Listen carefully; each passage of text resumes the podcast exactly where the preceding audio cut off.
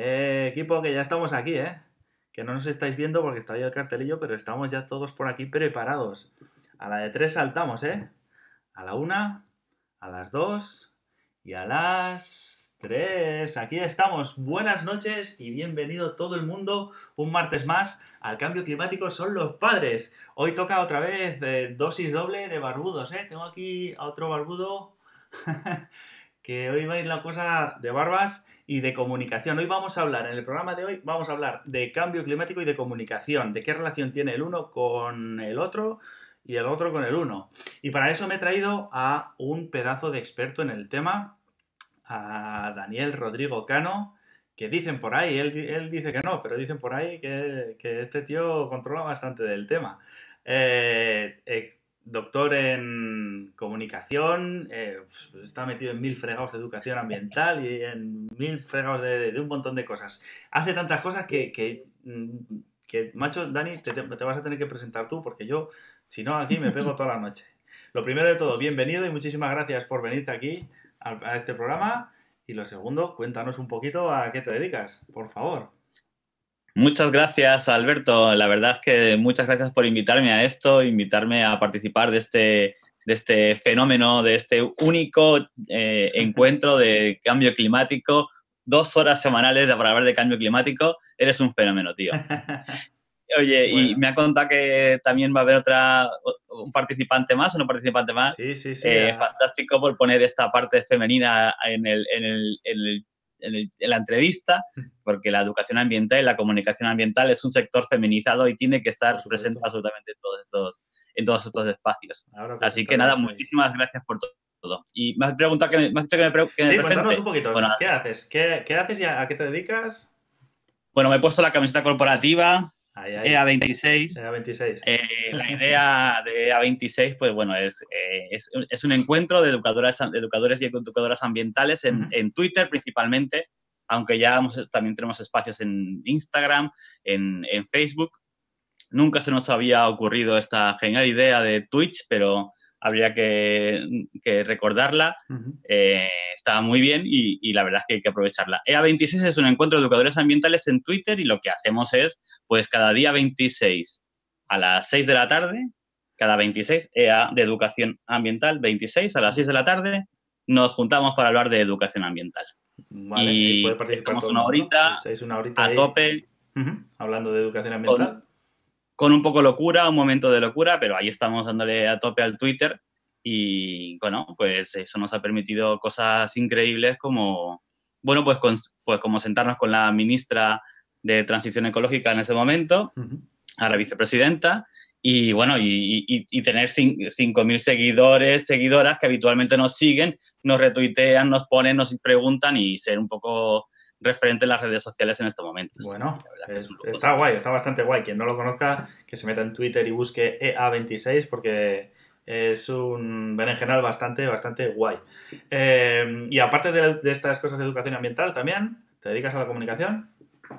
Sí, eh, trabajo en la universidad, uno de los tengo dos trabajos, uno es en la universidad y en la universidad hacemos investigación de la comunicación del cambio climático.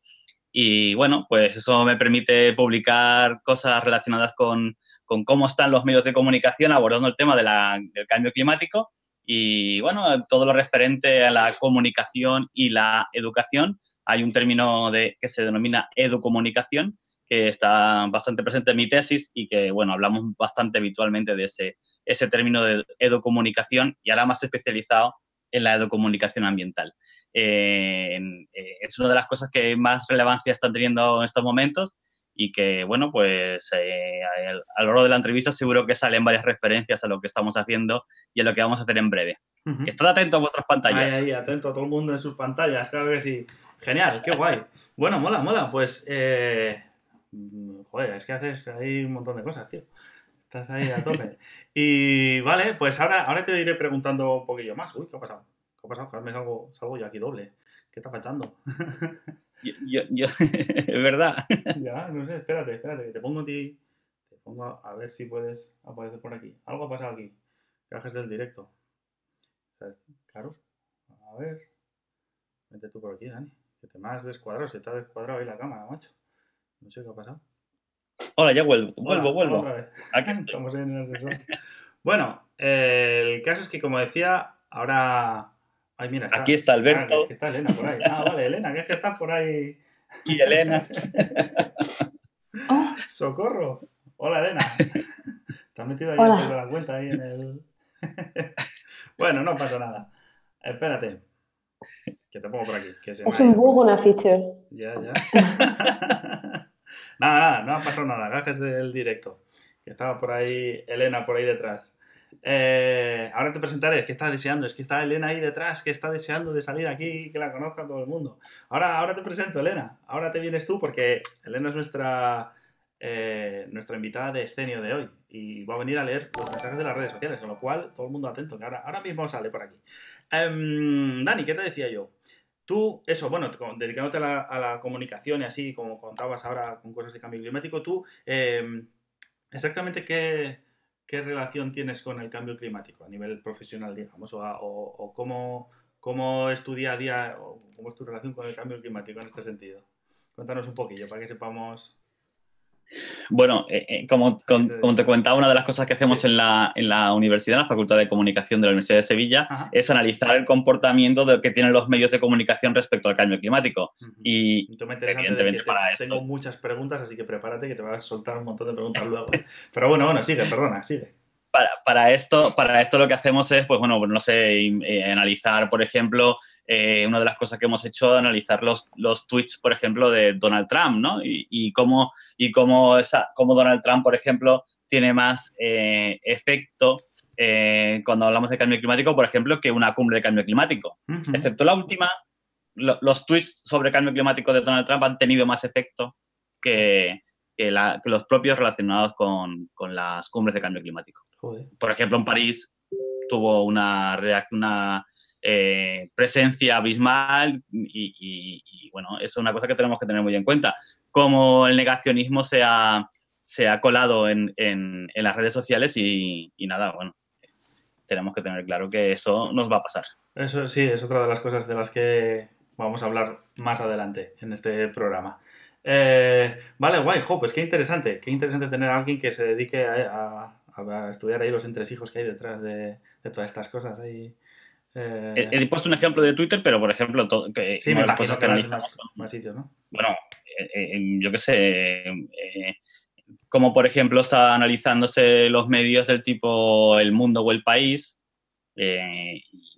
bueno, pues que por cierto me llama mucho la atención que una de las cosas que van al, al, al paywall, al, al, muro de pago de, del país, por ejemplo, va a ser una temática sobre cambio climático. Es decir, van a hablar más de cambio climático, pero de pago. Llama poderosamente la atención qué cosas eligen para, para pagar. Totalmente. Pero bueno, está bien, está bien. Bueno. Bueno, pues eh, nada, ¿y alguna otra cosa más aparte de, la educación ambiental, así, de esto que nos cuentas de comunicación? ¿Haces alguna...? Bueno, la vida no me da para mucho más. Soy padre de una niña, eh, que, a veces en los hashtags de mi esto pongo padre de mi preciosa hija. Y bueno, ahí estamos. Eh, intentando movilizar un poco en las redes sociales cosas de ese tipo y asociándome con gente como tú, que sois, que sois verdaderos cracks. Así que aquí estamos haciendo cositas. Bueno, genial, genial, fantástico. Pues, uh, guay, encantadísimo, encantadísimos de tenerte aquí, ya digo. Y nada, ahora vamos a hacer una cosa, lo primero y antes, que es que se me está pasando porque estoy viendo aquí los comentarios y no me puedo callar. tengo que saludar a todo el mundo que os estoy viendo los comentarios que estáis por ahí. Hola a todo el mundo, muchísimas gracias por comentar por, estar ahí al otro lado viendo el programa en directo. Em, ya veo por aquí que nos estáis diciendo hola, hola, por ahí, tal, eh, que es súper interesante y así. Así que, em, nada, eh, poco más. Lo que voy a hacer es, es, traer a Elena por aquí. Voy a traer a Elena, que estaba ya sumando, a ver si ahora nos quiere venir a contar.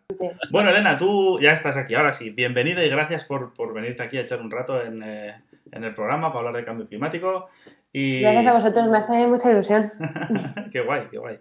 Eh, nada, preséntanos, cuéntate, cuéntanos un poco, ¿tú a qué te dedicas?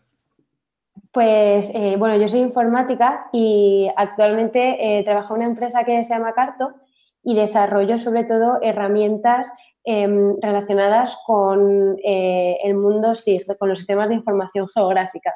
Entonces hago herramientas para eh, el análisis y la visualización de datos, em, normalmente en, que, bueno, que tienen un componente espacial que se pueden poner en, un mapa o en algún sitio físico.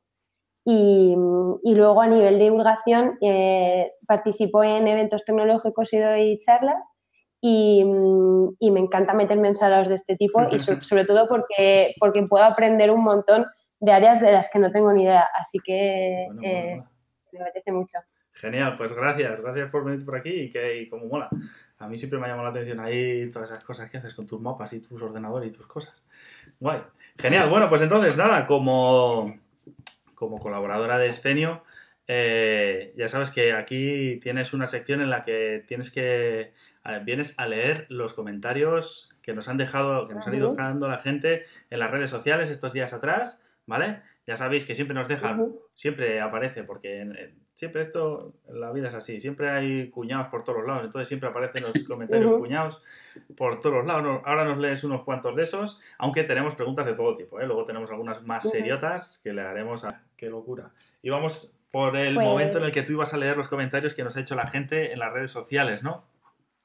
¿Los tienes por ahí sí, tenemos aquí algunos eh, cuñados y trolls, eh, una mezcla. Uno diciendo, si la Tierra es plana, le damos la vuelta y ya está, ya estamos en el lado fresquito. Claro, estamos bien. Claro, que se ha calentado mucho por un lado, vuelta y vuelta, esto como los filetes. Claro. Bueno, como la luna, siempre está en, el lado, en un lado y si se puede aterrizar, no serviría para aterrizar al otro lado y ya está, tampoco hay ningún problema. Si estuvimos en la luna alguna vez. Eso es, eso es, que quién dice que no, ¿eh? que es, igual son los mismos que los del cambio climático, los que dicen que hemos estado en la luna. ¿eh? terraplanistas, cambio climático y la luna, todo junto. Todo relacionado, ¿eh? todo pensado, nos están embaucando aquí. Bueno, bueno, vale. Pues mira, es una buena solución. Le podemos dar la vuelta si la Tierra es plana y vuelta y vuelta, con el filete. ¿Qué más se cuenta por ahí, Elena? Pues también dicen, bueno, aquí hay, también toque irónico de, bueno, ¿para qué vamos a hablar del cambio climático en la tele si mejor podemos poner Sálvame a todas horas? Que, es muchísimo más interesante, por supuesto. Y, muchísimo Siempre hay contenido. Siempre, hay contenido. eso es verdad. Eso, ahí hay contenido constante y además súper interesante. Y bueno, Sálvame es una. Bueno, está bien, está bien, está muy bien. Eh, la vida privada de la gente mola. Sí, es algo totalmente útil y, totalmente interesante, de verdad que sí. El salseo. El salseo, total. Bueno, ¿qué más? Bueno, la de Sálvame, la de Sálvame despóticamente. En realidad, lo que mola la isla de las tentaciones. ¡Ay, madre! ¡Ostras! Uh, solo me tengo ya. Yo ahí eso ya me sobrepasa. Yo ya no me da, me explota ya, eh. no me dan tanto las neuronas, ver. Se me recarga de información. La isla del cambio climático. La isla del cambio climático. Una buena idea. Total, joder, pues esa es buena, ¿eh? Hay que proponerla. ¿Cómo sobrevivir en la isla del cambio climático? Eso es, eso es. Eso es bueno, pues ya lo voy a mirar ahí. Oye, Gemma Alcañiz, que seguro que me está viendo, apunta para tu diccionario, la isla del cambio climático. eso es.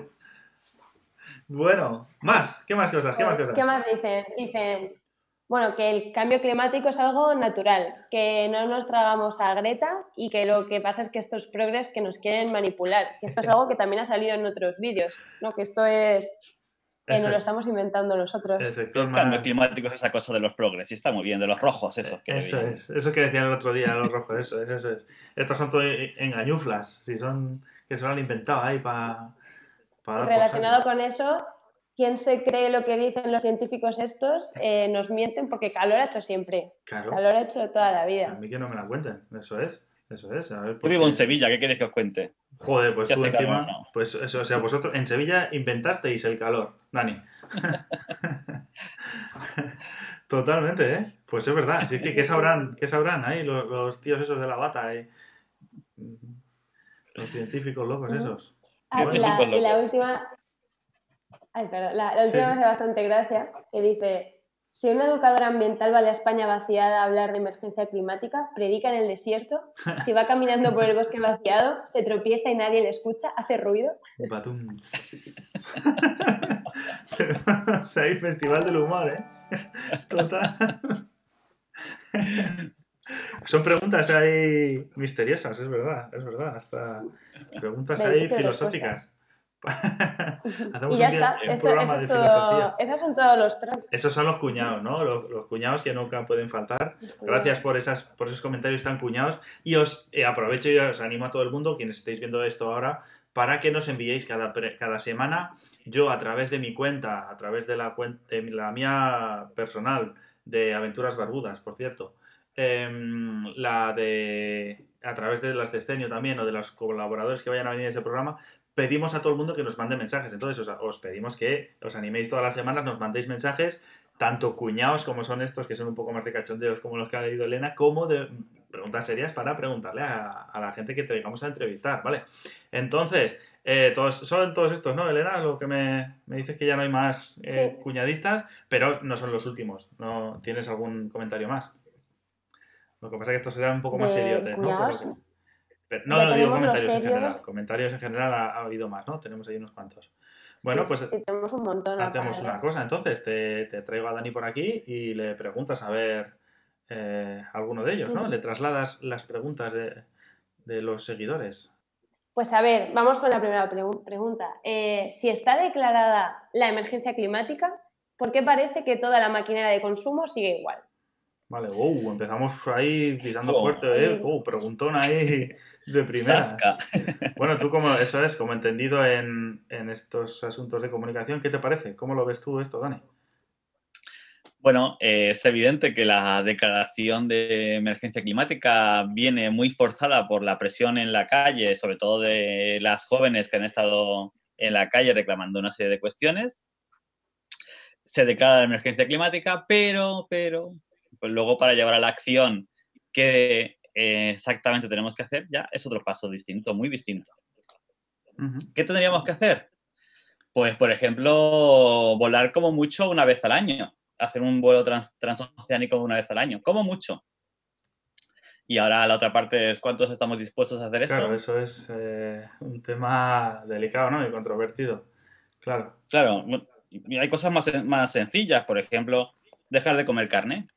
¿Cuántos estamos dispuestos a hacer eso? Ya. O tus desplazamientos que sean prácticamente solo en bicicleta. Ya. Y luego nos encontramos con algunos, en algunos ayuntamientos en los que, bueno, no lo ponen nada fácil.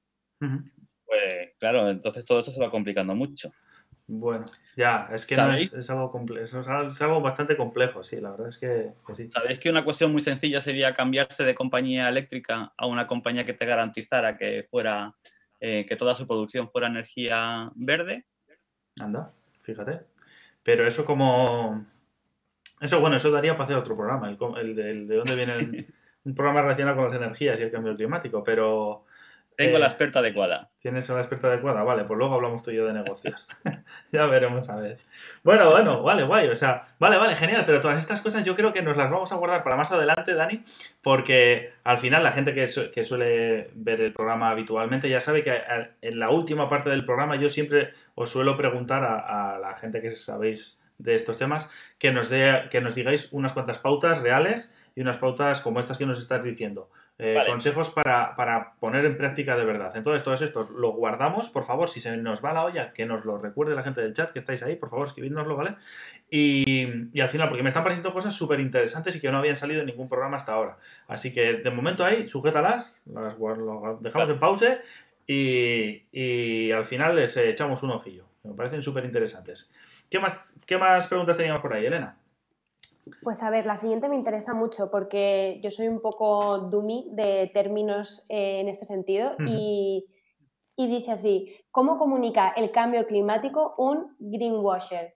Oh. Hashtag Greenwasher Detective, hashtag el cambio climático son los padres. O sea, aquí también pregunta es ¿qué es un greenwasher? Vale, ¿qué es un green... O sea, tú esto sabes lo que es, Dani, porque esto a mí la gente... Es que yo soy un poco arcaico para estas cosas. Echa las manos en la cabeza, Dani. Eh, yo estos términos modernos y de, gente moderna, yo esto no me entero cómo va. ¿Qué es, lo primero de todo, por favor, eh, explícanos qué es el greenwashing? Greenwashing que suena como wash es lavar y green es verde. No entiendo qué relación tiene. Lavar verde. Pues sí. Lavarlo verde. es? meter en la, meter en la lavadora algo para que salga verde. Ah, Eso que a veces nos ha pasado. Hemos dejado, hemos metido esos pantalones verdes que nos compramos nuevos y los hemos metido en la lavadora no hemos puesto el programa adecuado y ahora toda nuestra ropa es verde. Pues lo mismo hacen algunas compañías que hacen su publicidad diciendo que hacen cosas mm, para que la gente que tenemos cierta sensibilidad le compremos. Entonces, por ejemplo, todos vemos en la televisión anuncios de vehículos en los que nos dicen que consumen mucho CO2. Mm, que consumen muy poco CO2. Y eso tiene que ver con que les compremos. ¿Es verdad o, no, o no es verdad? Bueno, pues hemos visto casos como los eh, Dieselgate, que evidentemente demuestran claramente que no. O otras compañías que nos dicen que, hacen, que producen energía verde, como decía antes, y todo el mundo sabemos que no, que precisamente son las más contaminantes de Europa. Pues ejemplos así podemos tener eh, múltiples. Pues gente que pone en su logotipo un color verde y amarillo y nos vende gasolina. Fantástico. Eso es hacer greenwashing. Vale, o sea, vender, hacerte como que, hacerte el verde en el sentido de hacerte como muy pro medioambiental. Eh, como estrategia para lavarte un poco la cara como empresa, en este caso contaminante o, que Esto es como tú que te llamas a eh, Aventuras Barbudas y de repente nos encontramos que te has afeitado la barba. Pues claro, ya te cámbiate el, cámbiate el nombre, pues lo mismo sería el, el greenwashing. vale, vale, vale. Yo creo que pasa, eh, esto pasa mucho porque como ahora ya las empresas, eh, o bueno, también supongo que las personas, o sea, también es algo que puede hacer una persona, ¿no? Ya se han dado cuenta que esto le empieza a interesar cada vez a más gente, pues aprovechan un poco esto como estrategia de marketing realmente para atraer ese tipo de personas, pero luego realmente por debajo, pues no hacen nada de eso. Sí, bueno, claro. supongo que esto se llevará haciendo como toda la vida eh, a nivel empresarial en, todos los sectores. Lo que pasa que en este, ahora lo estamos viendo como que está pegando más pelotazo en el sector ambiental, ¿no? con empresas relacionadas con esto de alguna manera. Sí, bueno, hay, hay, algunas empresas que especialmente lo hacen de forma más evidente. Aquí el tema, el tema con el greenwashing sería que, que no es tan evidente, ¿no? Sino que que su tipo de publicidad, sus su formas de hacer eh, rozan lo, el, engaño, ¿no? Eh, si te ponen eh, eso que efectivamente emiten menos CO2, pero no es cierto, o que te cuentan solamente una parte de la realidad, pues evidentemente te están mintiendo, ¿no? Y, a veces cuesta encontrar dónde está realmente la, esa mentira, ¿no? Y eso al, a los usuarios, pues a veces nos molesta. El ejemplo muy claro es el Dieselgate, ¿no? Que hizo una compañía que me han advertido que no puedo decir nombres de marcas, hizo una compañía eh, engañando con el software, ¿verdad? No hace falta decirlo. No hace quiero decir que no hace falta decir marcas porque ya las conocemos todo lo que, lo que ha pasado, ¿no? Pues sí. Eh, bueno, ya. Eh, y es más, tú. en todo caso, ¿cuál es la pregunta? Porque me he centrado en el greenwashing y la pregunta era. no era exactamente esa. ¿Cómo comunica el cambio climático un greenwasher? O sea, yo supongo que a lo mejor es cómo manipula los medios o qué es lo que hace para pasar inadvertido como greenwasher, o algo así. Pues, ¿cómo la comunica? Pues eh, reciclar es bueno para tus pulmones. Por ejemplo. O sea, empresas que... llevas. A mí me viene a la cabeza un ejemplo que, a ver, no creo que sea tanto de, greenwasher, pero mm, eh, bueno, igual sí, que es que hace poco subió un vídeo Ro en la red precisamente que le había una marca había contactado con ella para promocionar que vendía eh, productos que eran eco con package este zero waste y tal y luego realmente eh, bueno algunos le habían enviado comentarios diciendo estos productos realmente se venden en AliExpress y luego la empresa esta lo que hace es que le quitan los plásticos, se los mete en una caja de cartón y ya está. Y entonces había comprobado que evidentemente era un poco una, estafa, pero que estaban ellos vendiéndolo por fuera como que eran súper eco y que querían pues reducir el gasto y tal. Que me parece loquísimo eso. Bueno, en realidad eso es una estafa, claramente. Aquí el, tema es que, no siempre sale la estafa, ¿no? No, no, no, no es tan evidente, ¿no? Sino que, que, bueno, es verdad que algunas compañías eléctricas, por ejemplo, eh, producen en verde. Eh, muchas de ellas producen en verde, pero no solo en verde. O en Europa producen en verde y en Latinoamérica no. O, o sí utilizo verde, pero lo hago con hidroeléctricas muy potentes y lo que hago es eh, obligar a que una parte de la población tenga que abandonar su, su, casa habitualmente, ¿no? a veces el greenwashing también es esa repercusión que tiene social con respecto a esto, ¿no? Pues eso también es greenwashing y hay que tenerlo, tenerlo claro. Vale. ¿Y es, eh, es, es ah, habitual? ¿Es, algo, ¿Es una práctica habitual o es como algo anecdótico, Dani? ¿Qué te parece? Eh, o sea, estamos como muy expuestos a eso del greenwashing en general, como pues, usuarios. Mm, eh, hace un año o así publicamos un artículo sobre cuatro empresas que se dedican a la comunicación ambiental y de las cuatro, tres hacían greenwashing. Es decir, el 75% de las empresas hacen greenwashing. Joder, madre mía. De las empresas que hacen comunicación... Comunicación ambiental. Ambiental, ¿no? Vale. Joder, ostras, o sea que no, o sea, es como, entonces es que está casi en todos los lados, ¿no? Entonces es una cosa, nosotros entonces como usuarios deberíamos de estar al loro con eso. ¿Cómo, qué nos recomiendas? ¿Cómo, ¿Qué nos recomiendas a la gente de a pie, digamos, que estamos viendo noticias todo el día en las redes sociales o cosas, o en la tele o en la, yo qué sé, en la radio? ¿Cómo, cómo podemos prevenirnos de este tipo de cosas?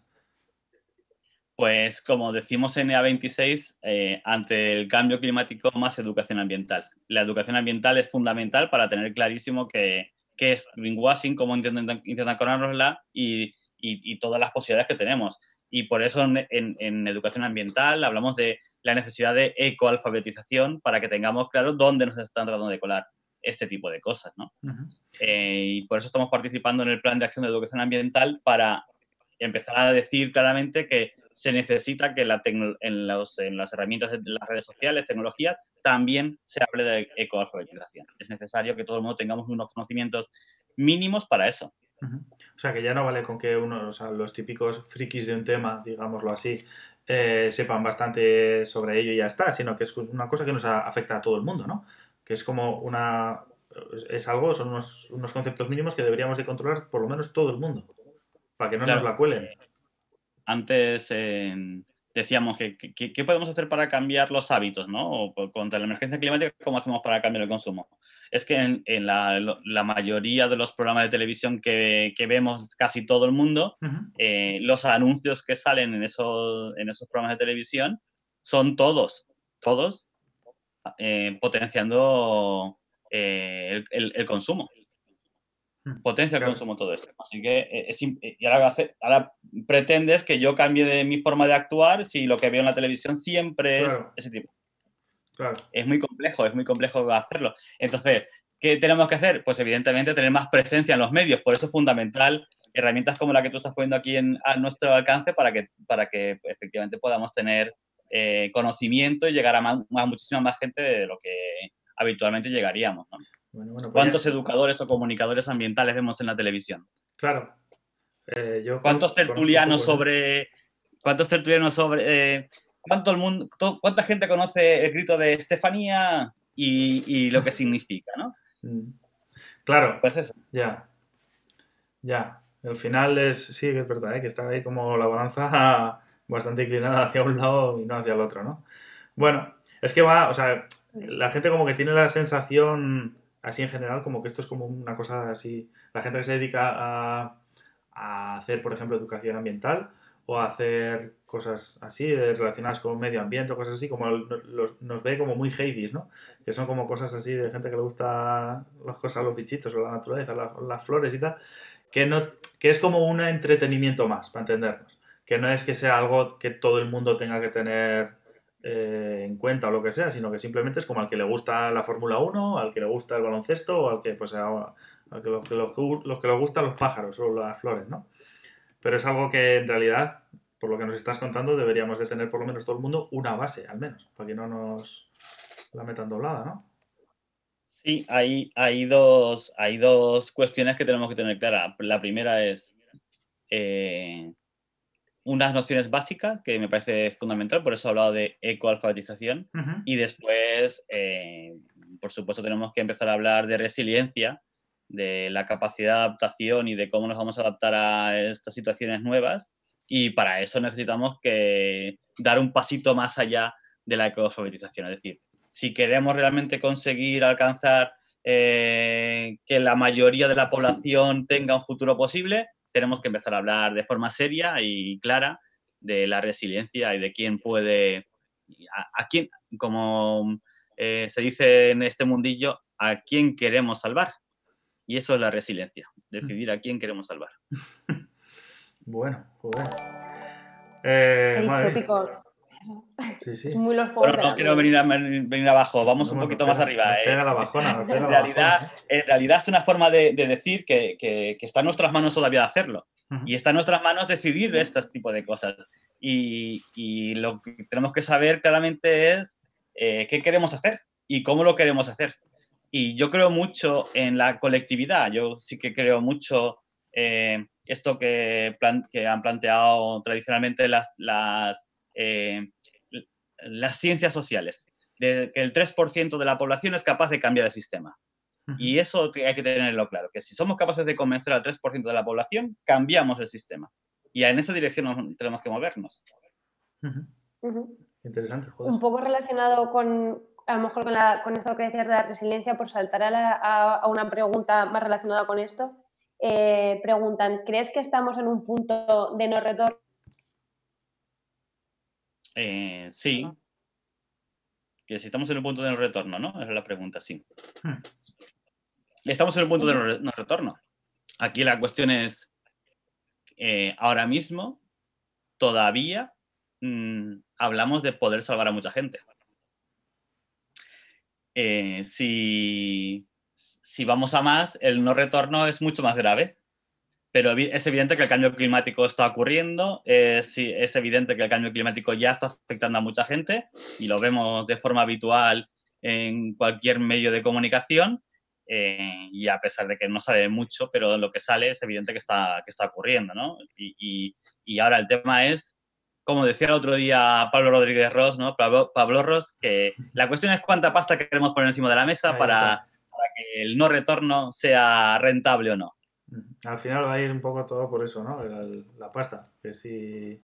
Al, se lo oí, no sé a quién hace relativamente poco, que decía que en el momento en que el cambio climático sea rentable para alguien, se, empezará a, solucionar el, tema, ¿no?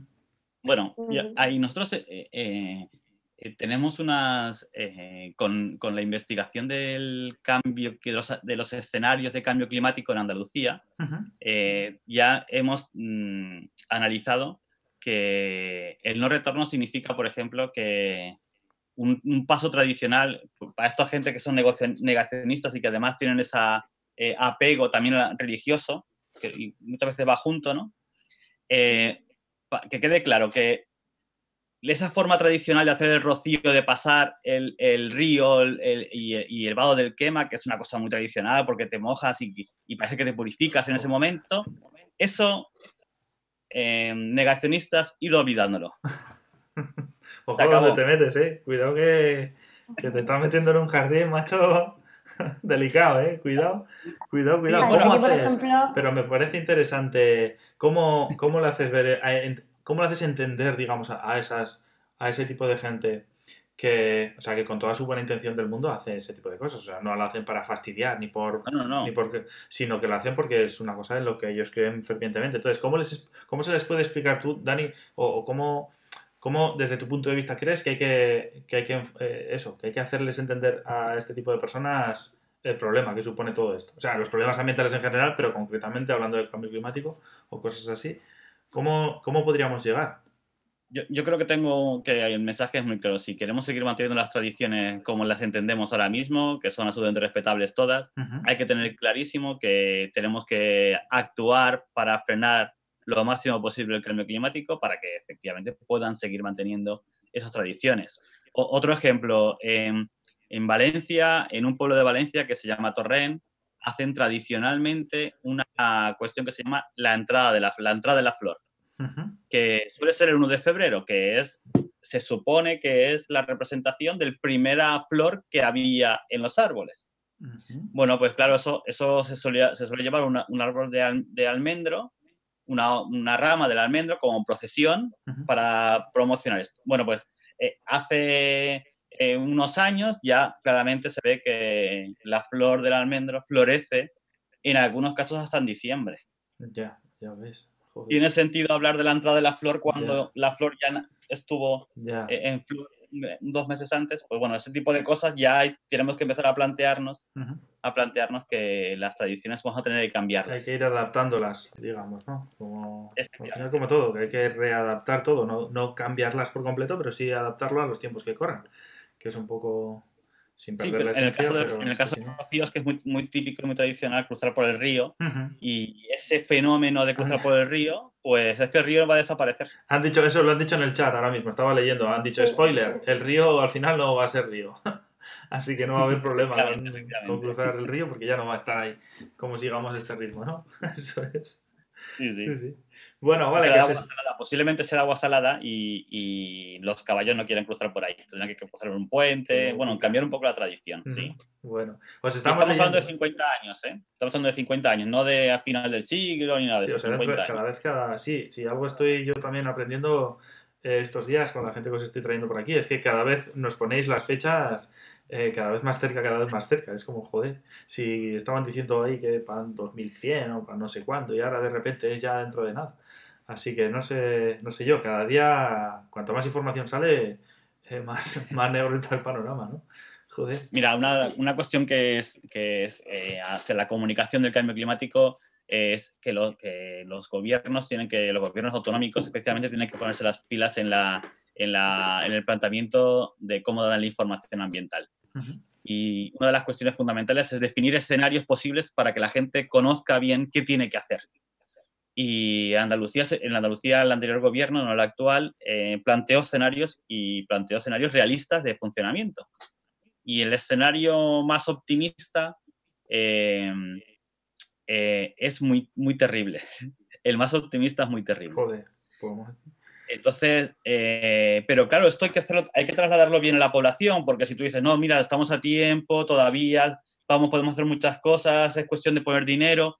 eh, bueno, sí, es cuestión de poner dinero y de contar a la población que es la, cuál la situación se encuentra. Que la gente tiene que conocer la verdad. claro, Eso el- es fundamental. Ajá. ¿Tú cómo lo, cómo lo ves ahora que sacas este tema? ¿Tú crees que, que la gente en realidad sabe lo que tenemos ahora mismo encima? ¿O, o que se sabe pero se está pasando de ello? ¿Cómo lo ves? Bueno? Mm, Pa- Paco Eras di- di- dice claramente que hay como cuatro grupos de, de- de gente, ¿no? Un- Unos que se lo creen todo y que están convencidos y que efectivamente estamos eh, eh, eh, luchando por contar esta realidad y, y que, bueno, que empezamos a creernos todo este tema. Otro grupo que, que, bueno, están ahí entre que se lo creen, pero no, pueden, no, no cambian su, su comportamiento. Otra gente que, que no se lo cree, pero por presión social sí que cambia algo de comportamiento. Y luego está la gente que, que no se lo cree nada. Afortunadamente en España esa gente que no se cree nada eh, eh, es, es, mm, significativamente poca. Significativamente, sí. Pero una cosa es no eh, eh, tener claro que sí que existe el cambio climático y otra cosa es estar dispuesta a dar los cambios, los pasos adecuados para cambiar. Y ahí nos volvemos a encontrar con el fenómeno del capitalismo que quiere que lo abarca todo, está claro. Y ahí nos volvemos a encontrar con que, bueno, es- pues las botellas de agua, el consumo, eh, la ropa cada, cada semana que llega a, a las tiendas de, de esta marca que no puedo decir, que todos sabéis cuál todas, es, Todas las marcas en realidad. o cambiar de teléfono cada dos años porque la ausencia programada está ahí. Bueno, pues ese tipo de cosas son las que tenemos que plantearnos. O sea que- ¿Cómo nos adaptamos a esto? Eso es, ¿no? Es que es el La, eterno, clave, la palabra clave es decrecimiento.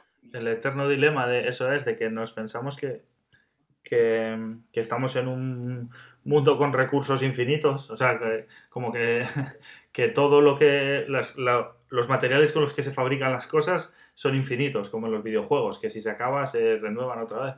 Eh, cuando vivimos en un sistema cerrado, digamos, ¿no? En un entorno cerrado, o sea, con, las cosas son limitadas. Hay mucho, pero son limitadas. En un momento dado, o sea, antes o después, eh, todas esas cosas se van a acabar terminando. Eh, pero es como que a nivel de grupo, a nivel de colectivo, no lo entendemos. Entonces, es- o sea, no es que no lo entendamos, sino que no pensamos en ello, mejor dicho. Es como, o sea, joder, yo voy a comprarme unos vaqueros a la tienda y no estoy diciendo, joder, pues con cuánto habrán gastado, cuánto habrá, yo qué sé, cuántas tintas habrá gastado para hacer los pantalones o lo que sea. Na- na- nadie piensa en esas cosas, ¿no? Pero es importante que la gente por lo menos se haga a la idea un poco de, de todo este percal. de que como esto siga así, es que esto va a petar. Creo que sería muy, muy interesante que las personas tuviéramos alguna manera de saber cuál es eh, la huella, cuál es el impacto que tenemos en las distintas actividades que hacemos. Como has mencionado, por ejemplo, lo de pues, cuánto me cuesta comprar unos vaqueros, eh, pero, o, también como comentabais antes, que es eh, mm, mejor no coger aviones, ¿no? O sea, cuánto cuesta eh, que yo mm, viaje en avión. Y de hecho, una cosa que me flipa también mucho en, los aviones, sobre todo en los, en los que comentabas, los transatlánticos, que ves cómo además la comida te viene eh, súper empaquetada en un montón de, plástico. Entonces, claro, tú eso a nivel individual, tú puedes optar por llevar eh, envases reciclables, pero muchas veces para ti es imposible hacer nada. Entonces, es un poco por las dos partes, de tú intentar hacer lo que puedas a, a nivel individuo pero luego creo que un papel muy importante precisamente es que las empresas eh, también pongan a disposición tanto alternativas como más información. Que bueno, esto sería en un mundo ideal, ¿no? Pero... No, bueno, eh, eh, yo creo que está con una clave y lo que podemos hacer a nivel individual, que es que en realidad es colectiva, pero a nivel individual hay dos cosas. Una es votar.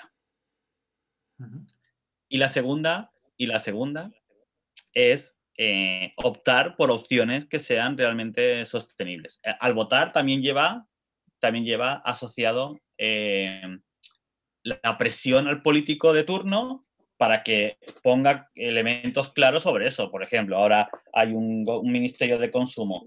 oye, pon una etiqueta que nos hable de la huella, igual que hay una que nos dice el simbolito, porque hay un grupo de presión que ha puesto el simbolito para que lo separes adecuadamente, indicándote que es envase reciclable, o, lo mismo que te pongan la huella. O que pone, o sea, por ejemplo, sí, mira, de esto que estás hablando, Dani, por ejemplo, hace, yo qué sé, hace un montón de años no ponía la información nutricional de, las, de, la, de la comida. Y ahora tú, porque, y la gente se empezó a preocupar por eso y te pone cuántas calorías tiene, cuántos hidratos de carbono, cuántas proteínas, que eso dices, joder, a mí tampoco, o sea, la gente nunca se, se, había parado a pensar en esas cosas hasta que de repente empezó a importar como a, mucha gente y desde entonces es obligatorio. Tú no, si, si te fijas en, la, no hay, en un supermercado no existe ningún embalaje de, ninguna, de ningún alimento que no tenga la información nutricional. Eso es por, al final, un poco también porque la gente lo demanda, joder. Entonces, estas cosas, claro. al final, si entre muchos acaban haciendo presión, al final... Sí, Elena decía antes el, vuelo. Pues lo mismo, Renfe, por ejemplo, cuando te vende el billete, eh, ya te pone eh, la emisión de CO2 que produce. Pues que sea obligatorio que cuando tú compras un billete de avión te informe de las emisiones de CO2 que, vas a emitir. Y la compare con otros medios, por ejemplo, sería muy significativo que la comparase, que comparase la emisión de CO2 que vas a realizar en ese vuelo transatlántico con ese mismo, ese mismo transporte en otros medios y veríamos como, por ejemplo, volar eh, eh, Sevilla-Madrid no tiene ningún sentido, o volar Sevilla-Almería no tiene ningún sentido, o Madrid-Barcelona no tiene sentido. Es que la emisión de CO2 es eh, brutal, ¿no? ¿Y no crees...? vemos equipos de fútbol esto también decía otro día Pablo Ros. Pon ejemplos de fútbol, ¿no? Se va... Ah, sí, pues mira, pon un ejemplo de fútbol. Uno que se vaya a jugar a Salamanca, por ejemplo. Efectivamente. ¿Tiene sentido que un equipo de Madrid se vaya a jugar a Salamanca en un avión? No tiene ningún sentido, si es que ese tipo de cosas. Pero hoy en la COP sacaron una camiseta de apoyo. Durante la COP sacaron una camiseta de apoyo a la COP. Eso es. O sea que camisetas eh, de, que se utilizaban plásticos del mar para... Conectando. Para está bien. De materiales este reciclados es, el fenómeno, ¿no? Cómo balanceamos una cosa y la otra. Y tú crees, ahora te voy a hacer una pregunta ahí de cuñado total, ¿eh? eh todo, esto que has dicho está fantástico. A mí esto me, maravilla y me, sobrecoge. Pero tú no crees que esto al final va a ser, hablando de, que se les tiene que enseñar al, consumidor final, digamos, por ejemplo, pues la huella que tiene o el consumo que provoca lo que estés comprando, lo que sea. ¿Y no, no crees que puede pasar al final como en los paquetes de tabaco, que te enseña la imagen de un tío con la boca podrida o unos pulmones destrozados y la gente sigue comprando paquetes de tabaco? Eh, bueno, sí, es uno de los riesgos, efectivamente. E, efectivamente, lo que sí que es cierto es que si tú pones medidas no solamente de, de, esa foto fea en la, en, la, en la, portada, sino que además acompañas con otro tipo de medidas. Por ejemplo, no se puede fumar en espacios, en recintos cerrados. Eh, vamos a ver en, un futuro muy cercano, no se puede fumar en estadios de fútbol.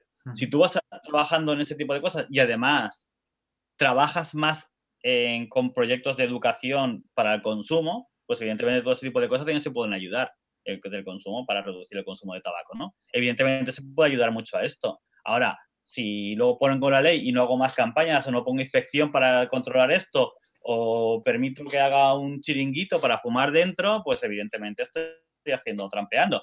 Pero yo creo que, efectivamente desde la educación y desde, y desde las leyes se pueden hacer muchos cambios, claramente.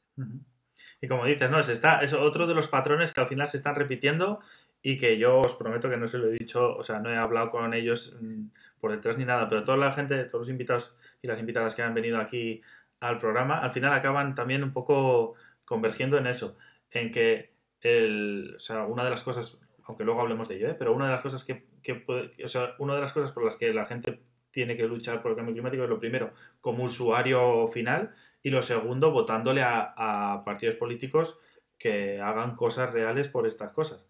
Porque al final uno se echa la pelota al otro y aquí entre unos y otros la casa sin barrer, ¿no? Bueno, mira, eh, una anécdota curiosa, ¿no? Eh, eh, he tenido la suerte de estar en la cumbre de cambio climático este año, en esa zona azul, y, bueno, que coincidí bastante tiempo con Pablo allí en esa zona. Y, la verdad es que te das cuenta de que efectivamente cómo los gobiernos presionan para que ocurra una cosa u otra, ¿no? Recuerdo especialmente em, el gobierno de Australia presionando para que no hubiera cambios.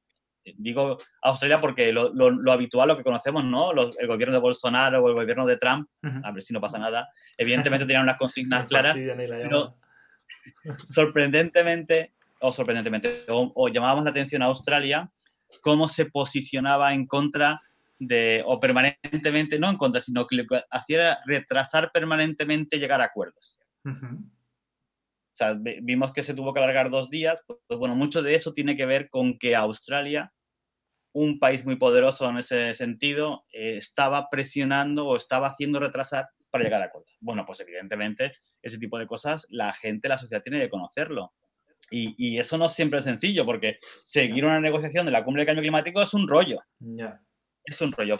Pero es posible, y ahí es donde tienen que incidir los medios de comunicación. Eh, este, el, mes de diciembre ha sido el mes de diciembre de mayor cobertura en toda la historia en España sobre el cambio climático. Eh, eh, sin embargo, pocos, muy pocos hablaron de lo que estaba ocurriendo de verdad en la zona azul o lo hacían lo que, lo que se le... comunicando lo que pasaba de España. Lo que, se, lo que se criticaba es que mm, se, es, es, el momento que más se habló del cambio climático, pero de lo que se habló es de la cumbre, no de lo que se hacía en la cumbre, sino de la cumbre en sí. Correcto. Que contaban ahí como los cotilleos, los salseos, el tal, no sé qué, no sé cuántos, pero no se contaba lo que estaba pasando ahí. Que es como...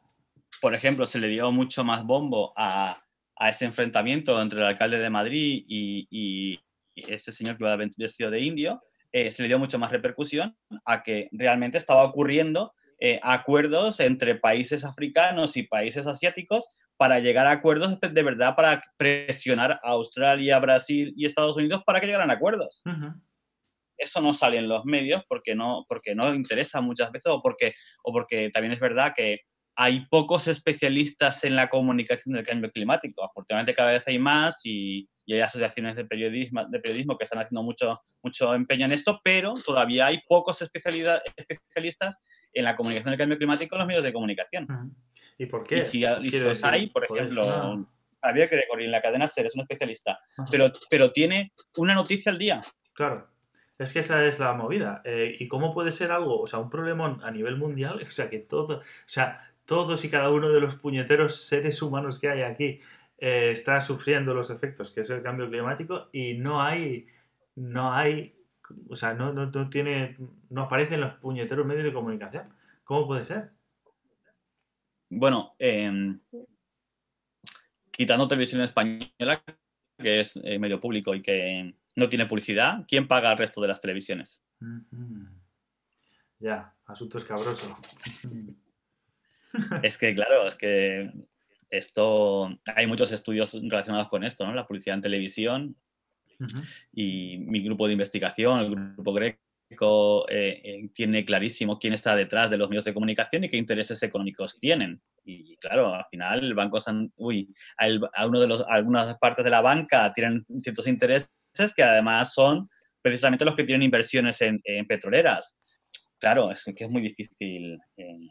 Ya, o sea que al final mm, que quien corta el bacalao es quien no, quien no sale en la, en la pantalla, ¿no? Que detrás de las pantallas luego se cuecen ahí otras cosas que la gente no sabe al final, ¿no? Eso es también un poco lo que comentabas antes.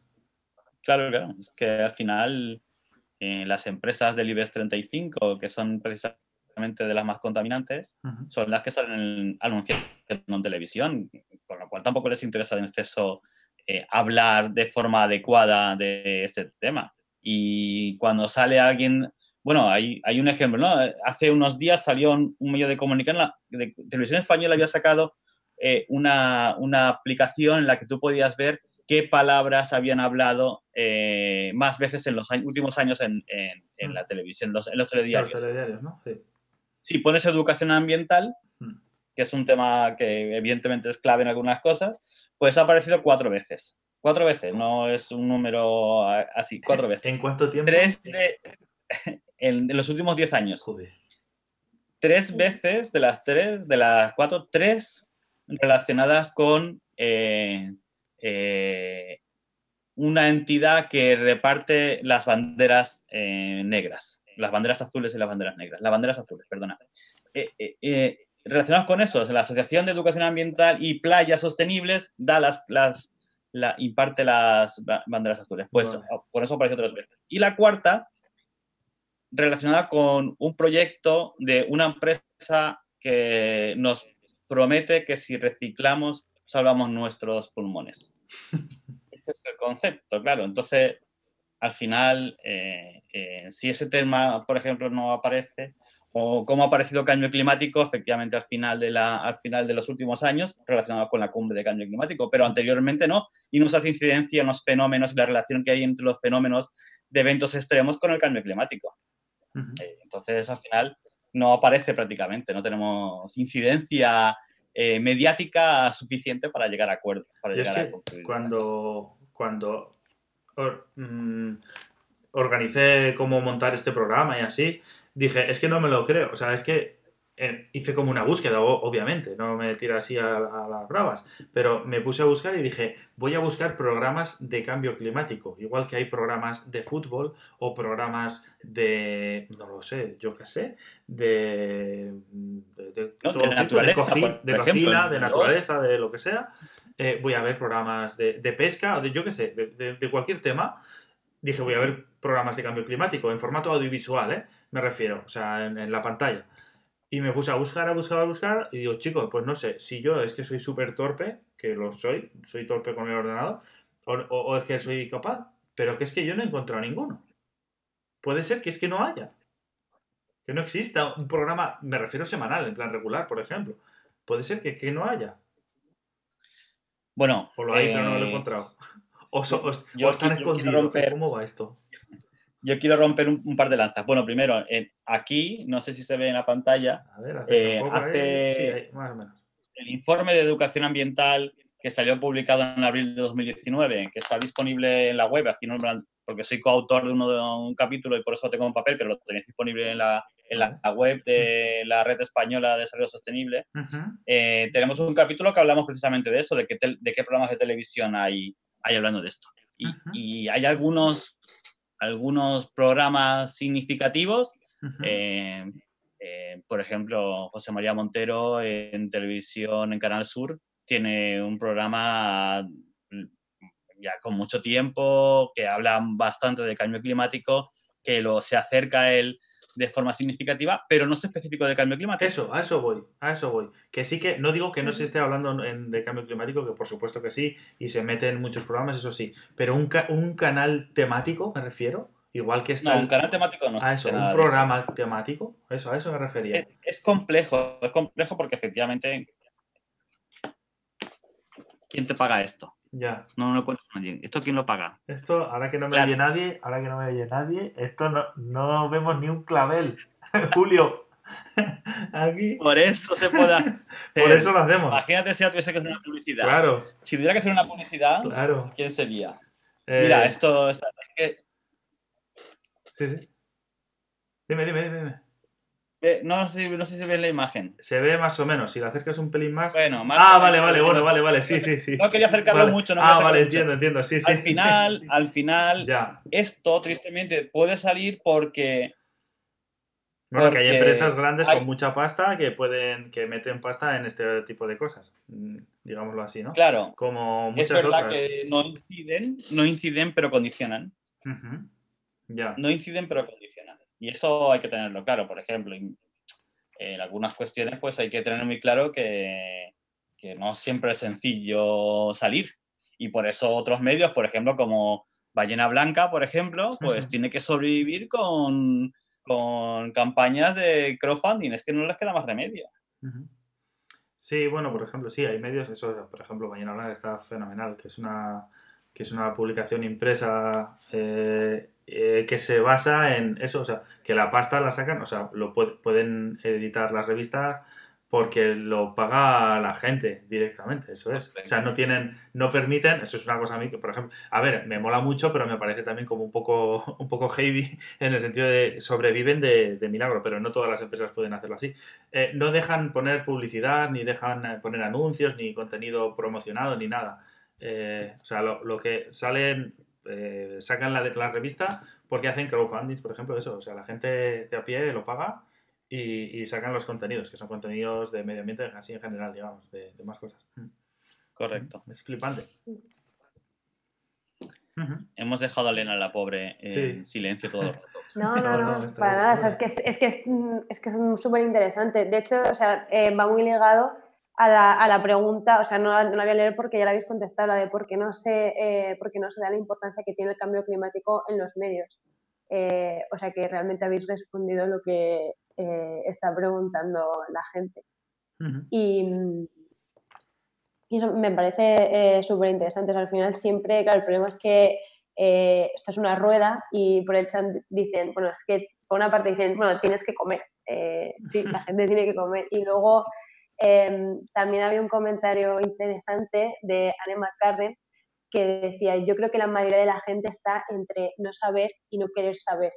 Ya, Eh, y a lo mejor eso también ligado un poquillo por lo que decíamos de por qué la gente ve unos programas más que otros, o porque Mm. al final estos mensajes, o sea, esos- perdón, estos programas tienen eh, tanta audiencia o te- ocupan tanta, mm, tanto tiempo en la televisión, porque a veces la gente prefiere en pandemia, es que, o sea, es que yo me voy a morir antes de que pase esto, yo esto no lo quiero saber, o sea, ya tengo bastantes problemas en mi vida como para encima tener esto. Mm. Sí, también es otra cosa, es verdad. Eh, y los, o sea, de hecho a mí me pasa. O sea, hay veces, hay temas que los veo tan, eh, tan, no sé, tan deprimentes, por decirlo de alguna manera, o, tan que te deja tan mal cuerpo que a veces dices, oye, mira, hasta aquí. O sea, es que no tengo ya bastantes problemas tengo yo en mi vida como para encima ponerme ahora a, a que se me revuelva el estómago viendo toda esta porquería que hay, ¿no? Entonces a veces también nos tapamos nosotros mismos los ojos sabiendo lo que hay un poco detrás, lo de los lo de las fotos del paquete de tabaco, que al final lo que haces es poner el paquete del tabaco al revés en la mesa y, y así no se ve la foto y ya está, ¿no? Sí. Da un poco de miedito. Hay aquí, sí, eh, aquí hay otra, otra pregunta eh, que dice, ¿cómo eh, comunicarlo a los negacionistas? Uh, Y esto, mm, por extender un poco a lo mejor esta pregunta, eh, yo diría cómo comunicarlo a la gente en general o cómo hablar de cambio climático o de cosas que tú haces a nivel personal con, con gente que a lo mejor no está tan metida en el tema, ya sea porque no sabe o porque no quiere saber, para, mm, tanto para eh, dar argumentos a gente negacionista como para también intentar un poco convencer a gente que no es negacionista, pero sí que por lo menos eh, esté más eh, al tanto, se preocupe más por, por estas cosas. Eh, oh, la pregunta Eh, es telita, compleja. Telita, Es compleja porque, porque una de las cuestiones que lleva no es qué comunicamos, sino para qué comunicamos. Es decir, al final, al final se pretende porque yo te puedo contar que el cambio climático y, casi seguro te convenzo. Aquí el tema no es porque, como decía antes, ¿no? los datos dicen que, casi todo, hoy se una encuesta, el 98% de los, de los estudiantes eh, creen que hay cambio climático. Eh, eso todo el mundo tiene prácticamente asumido. Incluso los negacionistas no dicen no hay cambio climático. Dicen que el cambio climático se ha pasado siempre, que el cambio climático nos va a afectar poco, que el cambio climático no se puede, no se puede detener, que, son los padres. ese tipo de cosas. Pero que, pero que no, exactamente, que son los padres. Pero, pero pocos dicen que el cambio climático no existe, ¿no? Esa, esa afirmación lo dicen cuatro pirados, como hay cuatro pirados que dicen que la Tierra es plana, ¿no? Incluso algunos mueren tratando de justificar que la, que la, la Tierra es plana, ¿no? Pero eh, muy poca gente. el tema es cómo somos capaces de convencer de que tienen que cambiar su estilo de vida.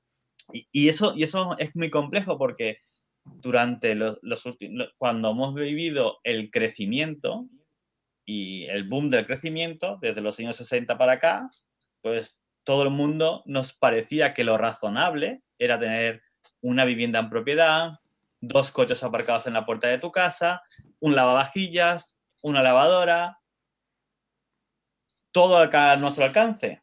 La luz conectada 24 horas, internet conectado 24 horas, eh, un coche aparcado en la puerta de la calle para hacer ir a por el pan en la esquina, para llevar a los niños al colegio. Hola, para llevar al colegio a los niños. O sea, mueve 70 mil kilos para mover 70 kilos. ¿Qué sentido tiene eso? Bueno, pues eh, nos han hecho creer o, nos hicimos creer como sociedad nuestros padres nos han hecho que son los culpables del cambio climático, nos han hecho creer que ese era el modelo adecuado y más correcto.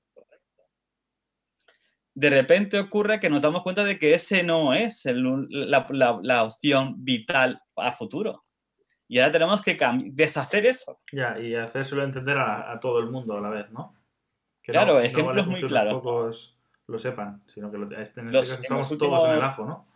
Claro, en, los últimos 25 eh, años en España eh, eh, había que construir todas las viviendas posibles, con todos los accesos posibles y con todas las rotondas posibles.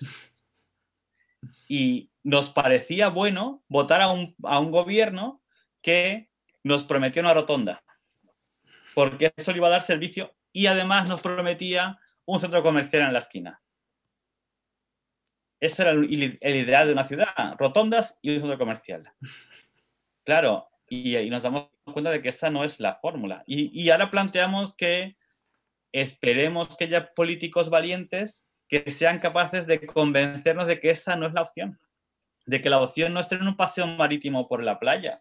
Ya. Esa ya no es la opción. Y a ver quién le pone el cascabel al gato ahora, ¿no? A ver quién se atreve a decir a la gente, ay, pues es que sabe que esto igual así que no se puede ir para adelante.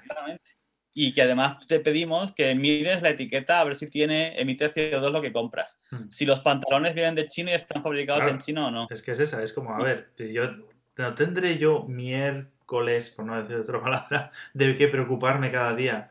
Eh, que encima ahora me vas a hacer pararme o sea, no tengo tiempo para ir a la compra, que ahora voy a tener que ir a la compra a, leer y hacer ahora matrices y hacer eh, integrales para, hacer, para ver lo que lleva y lo que no lleva, lo que emite, lo que no emite. Esto como ahora, a ver, ¿qué me estás contando?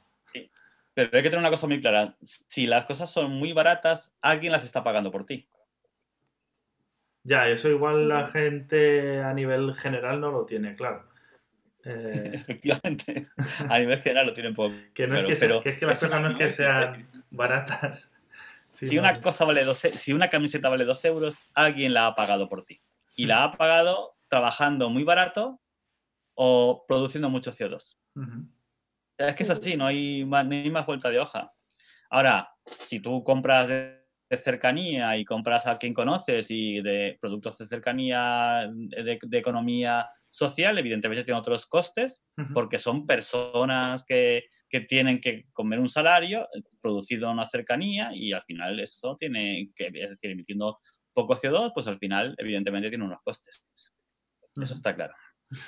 Entonces, claro, te pido, te pido que dejes, que cambies tus rotondas porque haya menos crecimiento. Y te cambio que tienes que ir a mirar las etiquetas y, dejes de, comprar sin mirar ni una etiqueta. Pues al final nos tenemos que replantear si queremos eso o no. Claro, ¿y ¿Cómo eso- lo hacemos eso? ¿Y cómo, es- es cuestión de comunicarlo. Esa era mi pregunta siguiente. ¿Cómo, ¿Y cómo le contamos eso a la gente, Dani? ¿Cómo conseguimos que todo el mundo que lo escuche? Vale, porque al final si lo metes ahí como cazador, como sea, pero ¿cómo hacemos que la gente eh, lo entienda como para decir, oh, eh, pues que esto va en serio?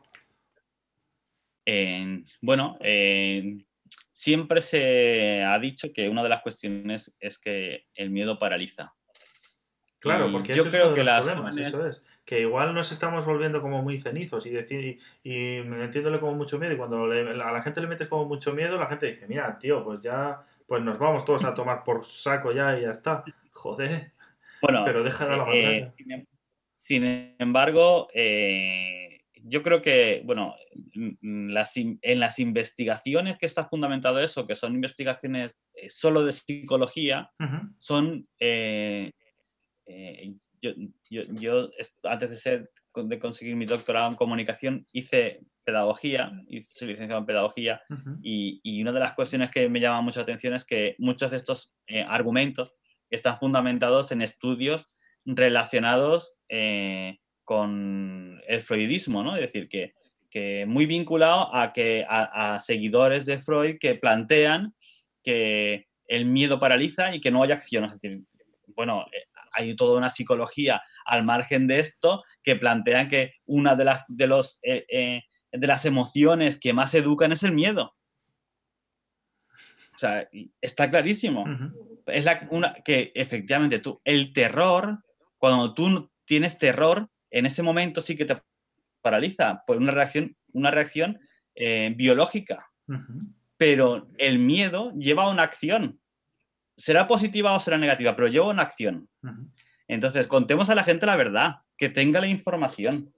Y cada vez más vemos como las jóvenes están diciendo, "Con- contar la verdad. Y lo que quiero es que tengas miedo. Y efectivamente, porque desde el miedo sacas cosas. Yo creo que no hay que dejar de tener miedo a decir a que la gente tenga miedo. ¿eh? Yo creo que tenemos que tener claro que eso hay que contarlo. Hay Pues que sí. contar a la gente que sus playas van a desaparecer. Hay que contar a la gente que la forma de vida que tenemos actualmente no, no, no se mantiene. No y que si, y que como decía antes, ¿no? Que si, si no cambias, le estás poniendo a alguien el cartelito en el dedo. Y eso es, es una realidad. 14.000 muertos por, por contaminación atmosférica. 14.000 Y luego, muertos en Madrid. estamos, y luego estamos agobiados porque hay un caso de coronavirus, Ah, efectivamente. ¿no? Y resulta que... Ya, eh, relacionado con esto, sí. Mira, ha, ha salido esta tarde, de hecho te he visto que lo has puesto tú también en Twitter. Eh, eh, lo he visto que, que se ha publicado que de hecho, hablando de coronavirus, que sí, es que es el tema de moda y hay que, hay que hablar de él para ganar unos Hay cuantos clics. un poco, ¿no? Si Apro- no- Claro, claro. Aprovecho para que me, luego me lleguen unos cuantos clics ahí, un poco de clickbait. Eh, hablando de esto, el coronavirus, o sea, hablando del miedo que estabas hablando justo ahora y enlazando con esto, Dani, eh, que el coronavirus, o mejor dicho, el miedo al coronavirus, ha, ha conseguido disminuir las emisiones de China de dióxido de carbono. O sea, el coronavirus está luchando contra el cambio climático. Por favor. Es que la gente no se da cuenta. Todos agobiados y resulta que es que va a ser al final, va a ser hasta bueno y todo. ¿Esto cómo va? Dice en Eh. el, en el chat, Anne McGarden dice, eh, yo hice mi TFG basado en acojonar a la peña con el cambio climático, triste y maravilloso. Tenemos aquí gente que sabe iguales, ya de qué va esto. Vale, vale. Totalmente. Bueno, ¿cómo Bueno, va eh, eso, Dani? ¿Cómo va lo de Eh, que, sí, que efectivamente, efectivamente. eh, está, yo lo he puesto antes, ¿no? Efectivamente, que, que- que a lo mejor no nos damos cuenta, pero que el, el gran problema de- del cambio climático es el capitalismo, ¿no? Yo- eso es, es que es absoluto. Es decir, cuando- si consumimos más, evidentemente estamos a- acelerando los procesos y eso está llevándonos a donde nos- está llevando Ujú. eh, es una evidencia tan, tan clara que es complejo que aquí no se dé cuenta de esto, ¿no? Ahora, eh, hay que tener una cosa muy clara. Y ahora nos estamos congratulándonos, congratulándonos con esto y, y lo que va a ocurrir es lo siguiente, es el efecto rebo- rebote, ¿no? Cuando China vuelva a, a reactivar su economía, que ocurrirá Claro, como mucho en dos, tres meses, eh, va a petar pues, de a, producir más número de, de gases de efecto invernadero, con lo cual va a aumentar. Esto. Claro, porque lo que ha pasado ahora es eso, que con, el, con la histeria colectiva que ha habido con el, con el coronavirus, eh, la gente ha dejado de salir de casa, se ha, se ha cortado un montón de, de, transportes, se ha paralizado casi el tráfico aéreo, se han reducido un 70%, una cosa así, bueno, un disparate, y las, en las propias industrias han paralizado prácticamente, bueno, han paralizado mogollón, digamos, el, el proceso de fabricación. Eh, entonces, ¿qué, ¿qué, ha pasado? Claro, que como que se ha casi paralizado el país, entonces se ha dejado de emitir CO2, porque se ahorraba en, en combustible en el tráfico, en las fábricas que están ahí a todo rendimiento, en la propia gente que no sale de casa, con lo cual ha pegado una, una caída en las emisiones de dióxido de carbono. Eh, lo cual deja de manifiesto ahí, pues eso, que al final sí, sí, o sea, que sí que se puede, que no es una cosa de, oh, es que, que no se puede, pues sí. Pero claro, es lo que dices tú ahora, que ahora, cuando pase ya la fiebre esta de la locura del coronavirus y tal, cuando vuelvan va a tener que eh, recuperar el tiempo perdido, ¿no? Y recuperar las ventas perdidas. Con lo cual va a haber que darle sí. más, más caña todavía a las fábricas, más caña y al transporte más, o sea, va a ser como un rebote más bestia todavía, o sea, que va a haber... Sí, eh, bueno, y, y, efectivamente cuando tú paralizas, efectivamente está muy claro, si decrecemos, evidentemente conseguimos resultados. El tema es, ¿estamos dispuestos a eso? Uh -huh. ¿Estamos dispuestos a vivir realmente con menos consumo? Con menos consumo. Algunas cuestiones son muy, muy fáciles de hacer, otras no tanto, pero ¿estamos dispuestos realmente a, a hablar de decrecimiento? Es decir, si hubiera un partido político ahora mismo en España que estoy hablando de decrecimiento, alguien les iba a votar. Bueno, primero, evidentemente, el IBEX 35 no le va a dejar, pero segundo, ¿alguien cree que les, que les iban a votar? Ya. Yeah.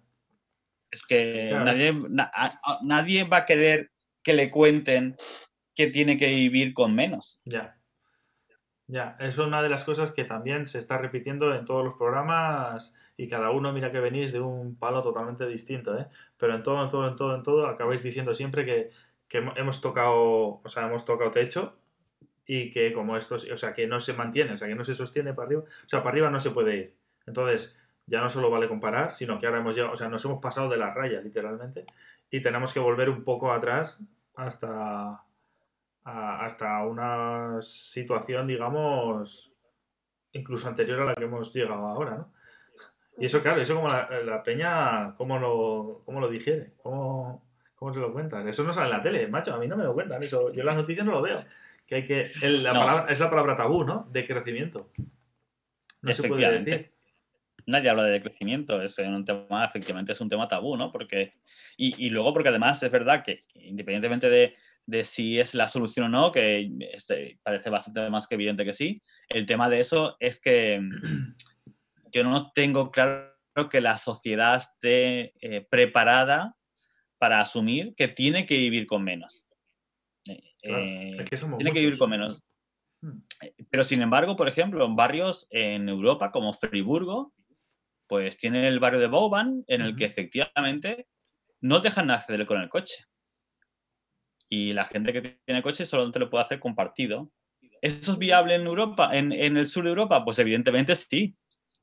Evidentemente sí. Sí, hombre, sí. ¿Por qué no se hace? Es pues porque es es más rentable un, un centro comercial que, que efectivamente que mm, prohibir o que no se pueda acceder con los vehículos al, al a, prácticamente a la puerta de tu casa, ¿no? Uh -huh. El otro día una universidad publicaba una foto buenísima en la que, no voy a decir la universidad, ¿eh? en la que ponía, por fin esta universidad eh, se compromete con los objetivos de desarrollo sostenible y sacaba una foto con un póster de los objetivos de desarrollo sostenible. Uh -huh y al lado había un coche en la puerta misma de la facultad. Pero eh, que, que, que un metro más allá entra, en la, entra dentro de la universidad, de la facultad. Dice, ¿no, ¿nadie se ha dado cuenta de que claro. esa, esa, comunicación Hola. no tiene sentido? No, no, no encaja. Ya, ya. Ya, ya. Pues así, estamos, y así todo. Esto es habitual. Y así todo. Joder. Esto, además, esto es muy sencillo, ¿no? Si hoy, si hoy te presentas al alcalde de tu pueblo uh -huh. y prometes. Eh, no, no voy a decir un centro comercial que lo he dicho varias veces ya. Eh, un pabellón polideportivo cubierto sin. Eh, con electricidad a toda marcha allí. Uh -huh. O mira, vamos a, regenerar un barrio y vamos a, prohibir el acceso a los coches al barrio y vamos a plantar Ay, amigo, lo que ¿Con cuál de los dos conseguirías más votos? Ay, amigo. Se te tiran al cuello, como lo insinúe siquiera. Pues se queman ahí por el eje, ya lo ves. Claro, claro. Eh, claro, entonces, claro, o sea, entonces la movida es que es la gente, o sea, que los políticos al final, quienes les ponemos somos nosotros y al final están ahí eh, y hacen, al final un poco hacen, aunque hacen lo que les da la gana, pero hacen lo que la gente les deja, o, es un poco reflejo de la sociedad, los, políticos que hay, ¿no? Es, evidente, ¿no? Yo creo que, que la historia de las movilizaciones sociales eh, van demostrando que, que en tanto en cuanto tenemos una, algún problema, nos movilizamos para conseguir cuestiones y las vamos consiguiendo, ¿no? Mm, más o menos, 100% igual no, pero alguna parte sí. Y bueno, se van consiguiendo paralizar cosas, ¿no? Eh, eh, movilizaciones concretas por salvar zonas concretas hemos visto todos los días o vemos todos los días, ¿no? Hmm. A veces se consigue, a veces no, ¿no? Eh, es evidente que... Claro, pero esto es como una cosa que tiene que ser todo el mundo a la vez y todo el mundo es todo el mundo literalmente. No, 3%, 3%. ¿Un 3% dices tú? Y Tarrow hablan del 3% de la sociedad. Joder, entonces tampoco es tanto. No, no. Habla, eh, esos, eh, en, las ciencias sociales se estudia bastante eso, en la que cuánta gente hace falta para de verdad conseguir cambios sociales. Y hablan del dato es en torno al 3%. Joder, pues a mí aquí Hay varios estudios Pues a ver, a ver quiénes son ese 3%, porque ya pueden asomar por la vuelta que nos traen, ¿eh? Claro, eh, eh, eso, eso también demuestra que esos datos que dicen el 95%, el 70% de la población está sensibilizada con el cambio climático. Hmm. Bueno, están sensibilizadas con el cambio climático, sí, pero lo van a, movilizarse por el tema. Esa es la historia. Sí. El tema es conseguir que efectivamente se, se movilicen. Y para eso tenemos que ser conscientes de que la comunicación del cambio climático tiene que pasar inevitablemente por comunicar lo inminente y lo concreto.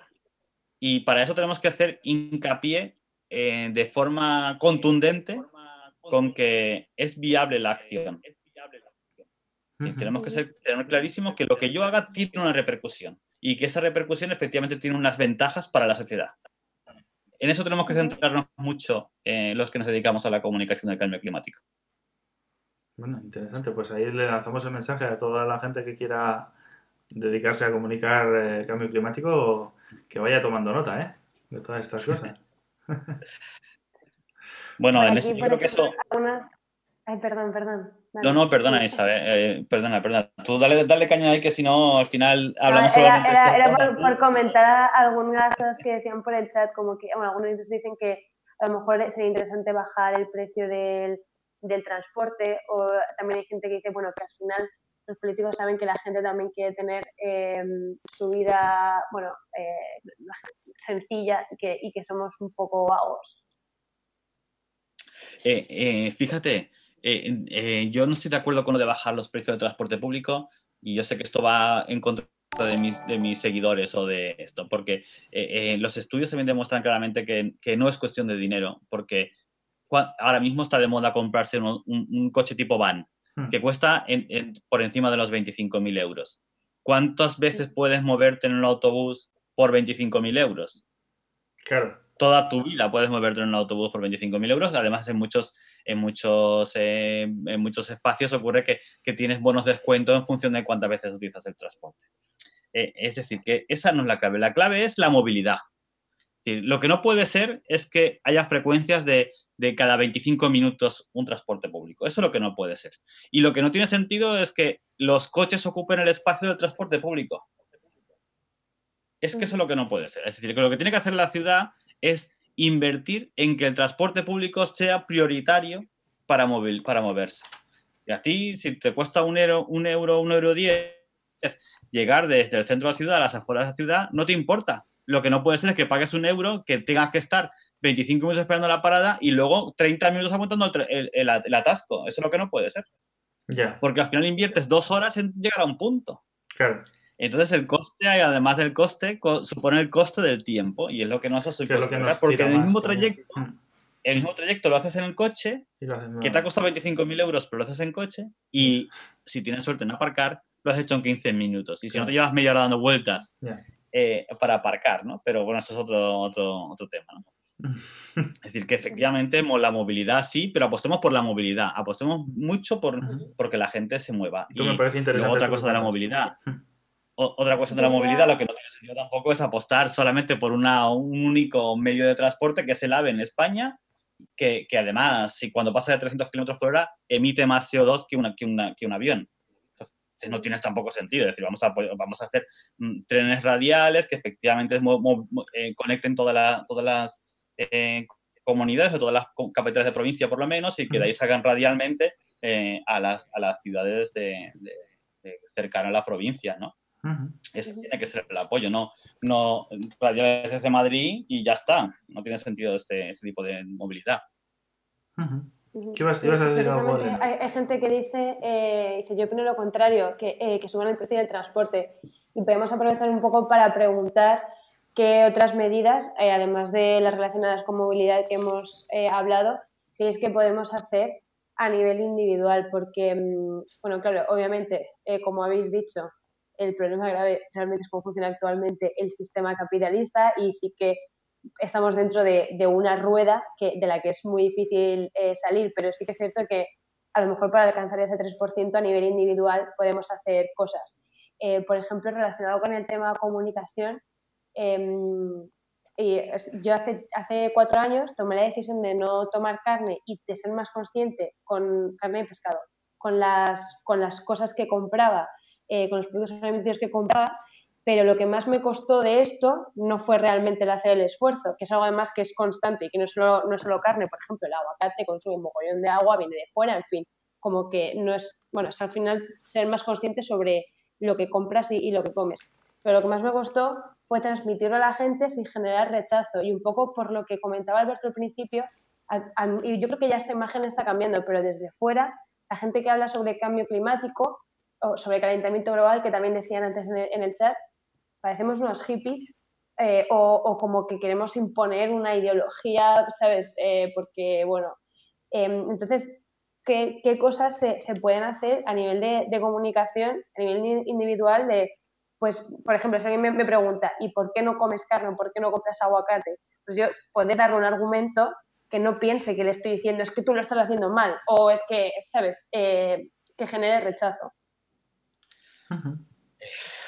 Eh, a ver, mi amigo Sera Huertas, Rebelde con Causa en Twitter, dice que, la bicicleta es revolucionaria. Es, no, lo dice mucha más gente, ¿no? Pero hacer que tu transporte sea principalmente andando y en bicicleta son de las situaciones individuales que más ayudan a que la emisión de gases de efecto invernadero y el cambio climático y a quien duda sobre el cambio climático o cambio o calentamiento global o esa terminología, le recomiendo que vea el primer vídeo de la serie con, con Pablo y, verán esas definiciones y por dónde vienen, ¿no? No voy a volver a insistir en eso. Pero efectivamente, moverte andando o en bicicleta y volver a ese movimiento anticapitalista porque ya depende de tu tiempo y no del tiempo de los demás, ya cambian mucho las cosas. Ah, ligado con eso, presionar a las empresas para que ayuden, colaboren, funcionen, acepten que vamos a movernos en bicicleta. Y eso también implica otros horarios. También hablamos de conciliación ahí y de empleo verde. Pues ese tipo de cosas son súper sencilla, es decir, los hablando de empresa, podemos hablar de los sindicatos. Conseguir que el sindicato entienda que moverme a mi puesto de trabajo se va a realizar en bicicleta, significa que entienda que los horarios no pueden ser absolutamente estrictos. Mm. Que no siempre tienen que ser estrictos. Que vamos a hablar de otras cosas. y, que, y que en vez de invertir en que cuando yo llegue a mi, puesto antes de llegar a mi puesto de trabajo, se preocupen porque haya muchos plazas de aparcamiento, se preocupen porque en el centro de trabajo, por ejemplo, en Sevilla, hayan duchas. ¿Por qué? Pues porque efectivamente si no solo puedo ir tres meses al año el resto del año no puedo ir en bicicleta. Ya, claro. Claro, es que eso, eso es un poco complejo también, pero bueno, buscarle soluciones a todo ese asunto, la verdad no, es, que... por, es, complejo, es complejo porque vivimos, vivimos en un momento como decía antes, ¿no? vivimos ese momento en el que era normal tener, tener coche todo el mundo. Y entonces, por ejemplo, en mi puesto de trabajo, en mi empresa, hay un parking de 20 plazas de aparcamiento.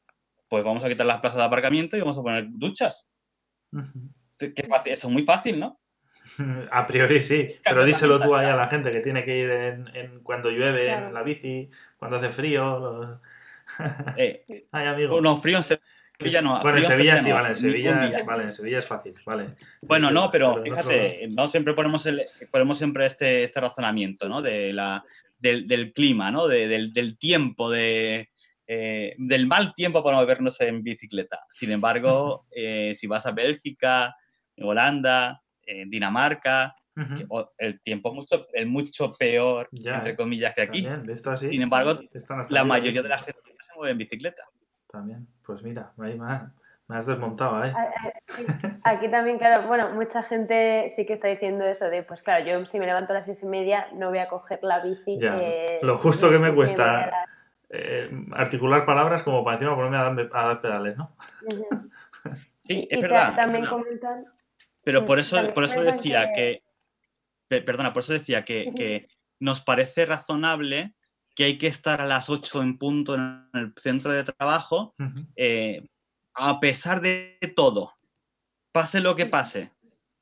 y, a lo mejor es que empezar a plantear menos presencialidad en los centros de trabajo, eh, menos cuestiones de estar muchas horas calentando el sitio y más eh, trabajar de otra forma, y no pensar en la productividad todo únicamente, sino, oye, vamos a hablar también de otras cosas. ¿eh?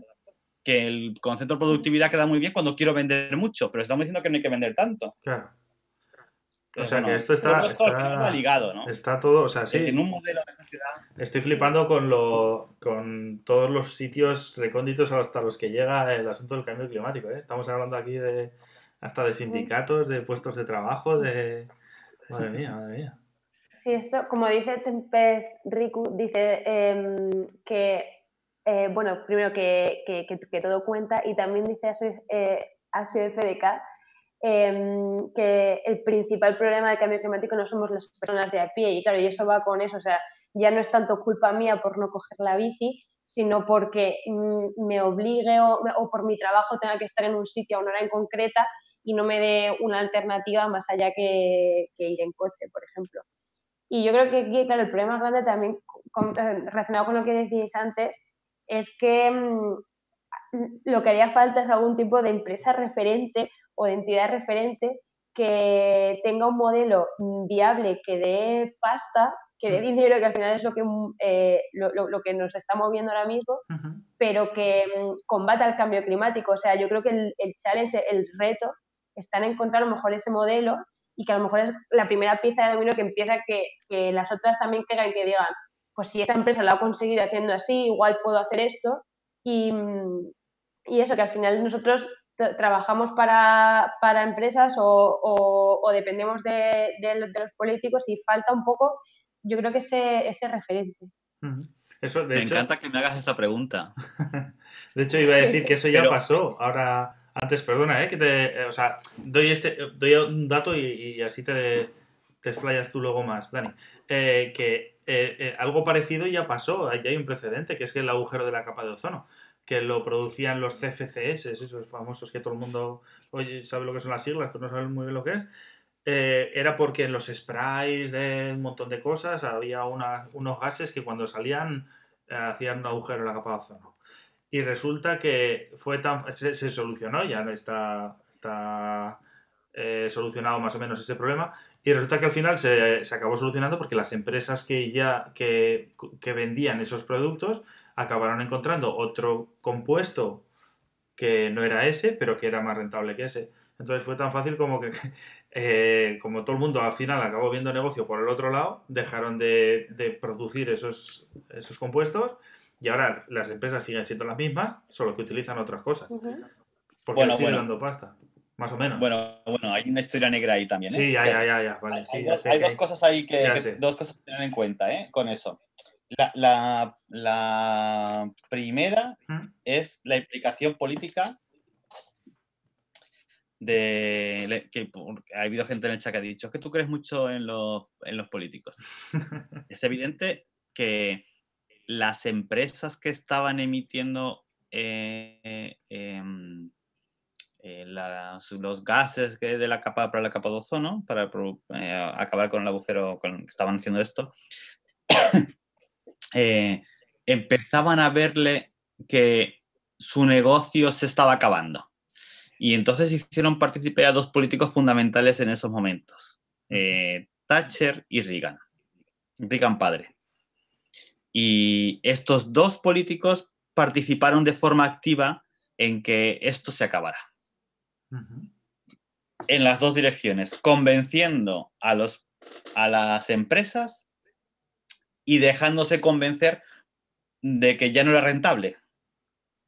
Entonces, bueno, pues efectivamente, ahora también tenemos que jugar a eso también, es decir, tenemos que convencer a los políticos de que no es rentable vivir como estamos viviendo. Y por eso ya empieza a haber algún partido político que empieza a tener esto claro. Todavía no hablan de crecimiento, pero ya empiezan a haber algunos partidos políticos que hablan de esto, ¿no? Y estamos viendo como algunos partidos políticos en Europa tienen crecimientos exponenciales. Pues a lo mejor sí que tiene mucho que ver con esto. Ahora, claro, eh, si pretendemos un cambio, porque pretendíamos un cambio abismal y brutal, porque el cambio de, la cumbre de cambio climático venía a, a España, ¿no? Y claro, ya vamos a dejar, ya vamos a todos a flotar en gases que, con, buenos para el cambio climático todo el mundo iba a dejar los coches aparcados en su casa, los iba a vender y íbamos a dejar de producir eh, gases de efecto invernadero simplemente porque ya era bonito. Iba a venir Greta Thunberg a Madrid.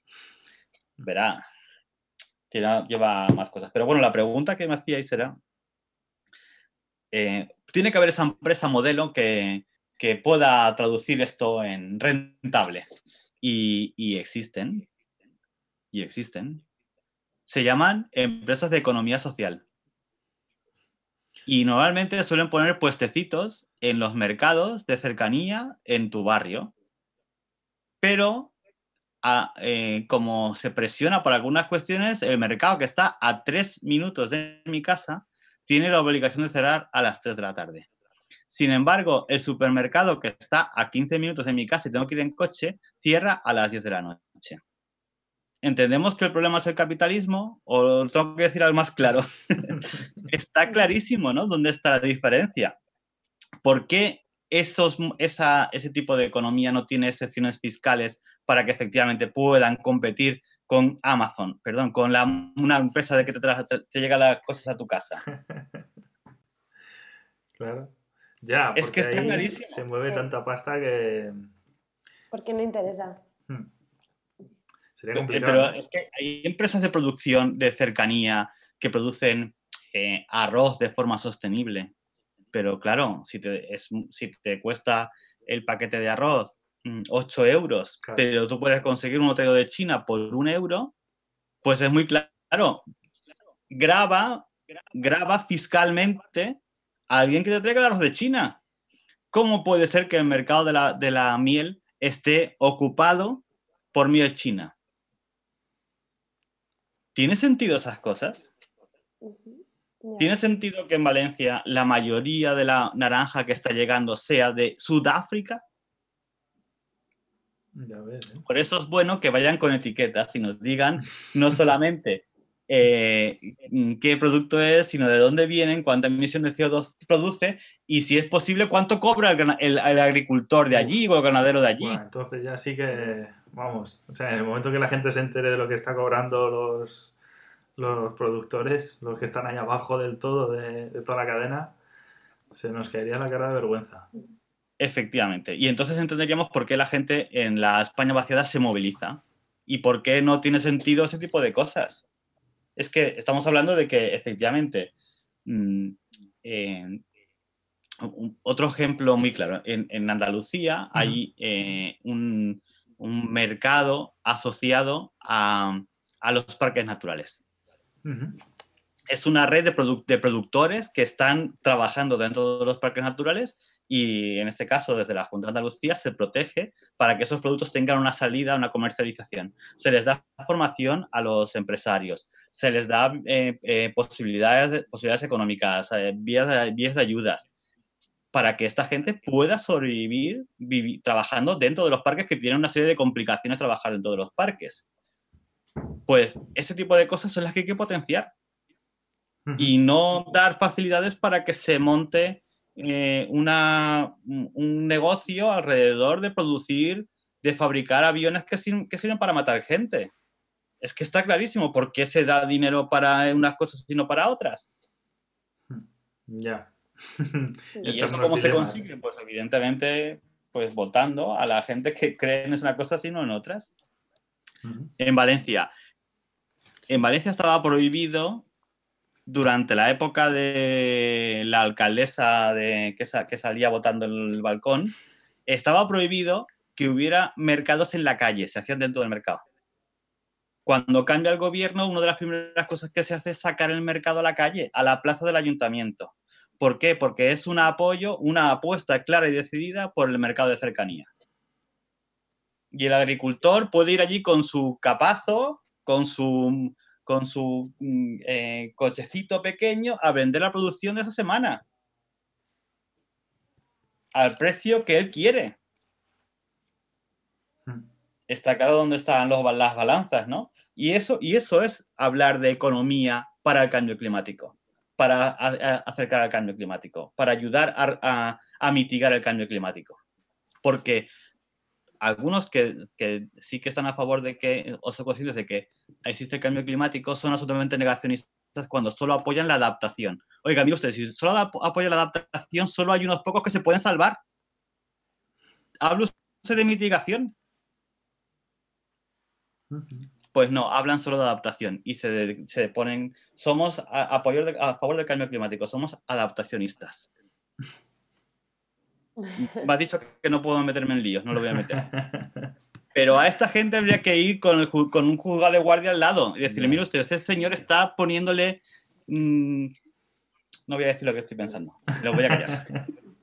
Pero bueno, sí, de cualquier manera es verdad que es que hay... O sea, que todo es muy complejo, pero también es verdad que, que la gente de a pie, como preguntaba Elena, sí que podemos hacer cosas. O sea, no, no o sea, claro, porque tenemos como la sensación un poco de, que somos un poco espectadores, porque todo el mundo, es lo que sale en las encuestas, que a todo el mundo le preguntan, oye, pero ¿tú crees que el cambio climático es grave? Y todo el mundo dice, sí, claro, por supuesto. Pero luego dice, vale, ¿y qué haces exactamente? ¿O qué haces de verdad? O, eh, y ahí ya, uff, uff. O cuando le dices, mira, pues es que para mitigar un poco los efectos que están habiendo hay que hacer esto. Y, uff, uff, sí, qué complicado me viene. Que tengo yo que hacer otras cosas.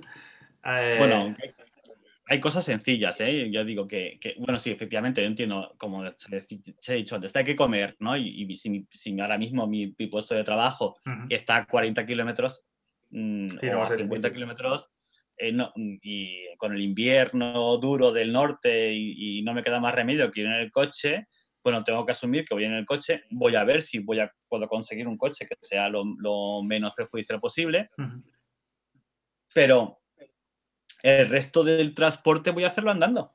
Mm. Lo que no tiene sentido decir, no es que yo como tengo que ir a trabajar en el coche, además tengo que hacer la compra en coche, ya que tengo el coche aquí. Claro. Y el fin de semana cojo el coche para ir a un centro comercial.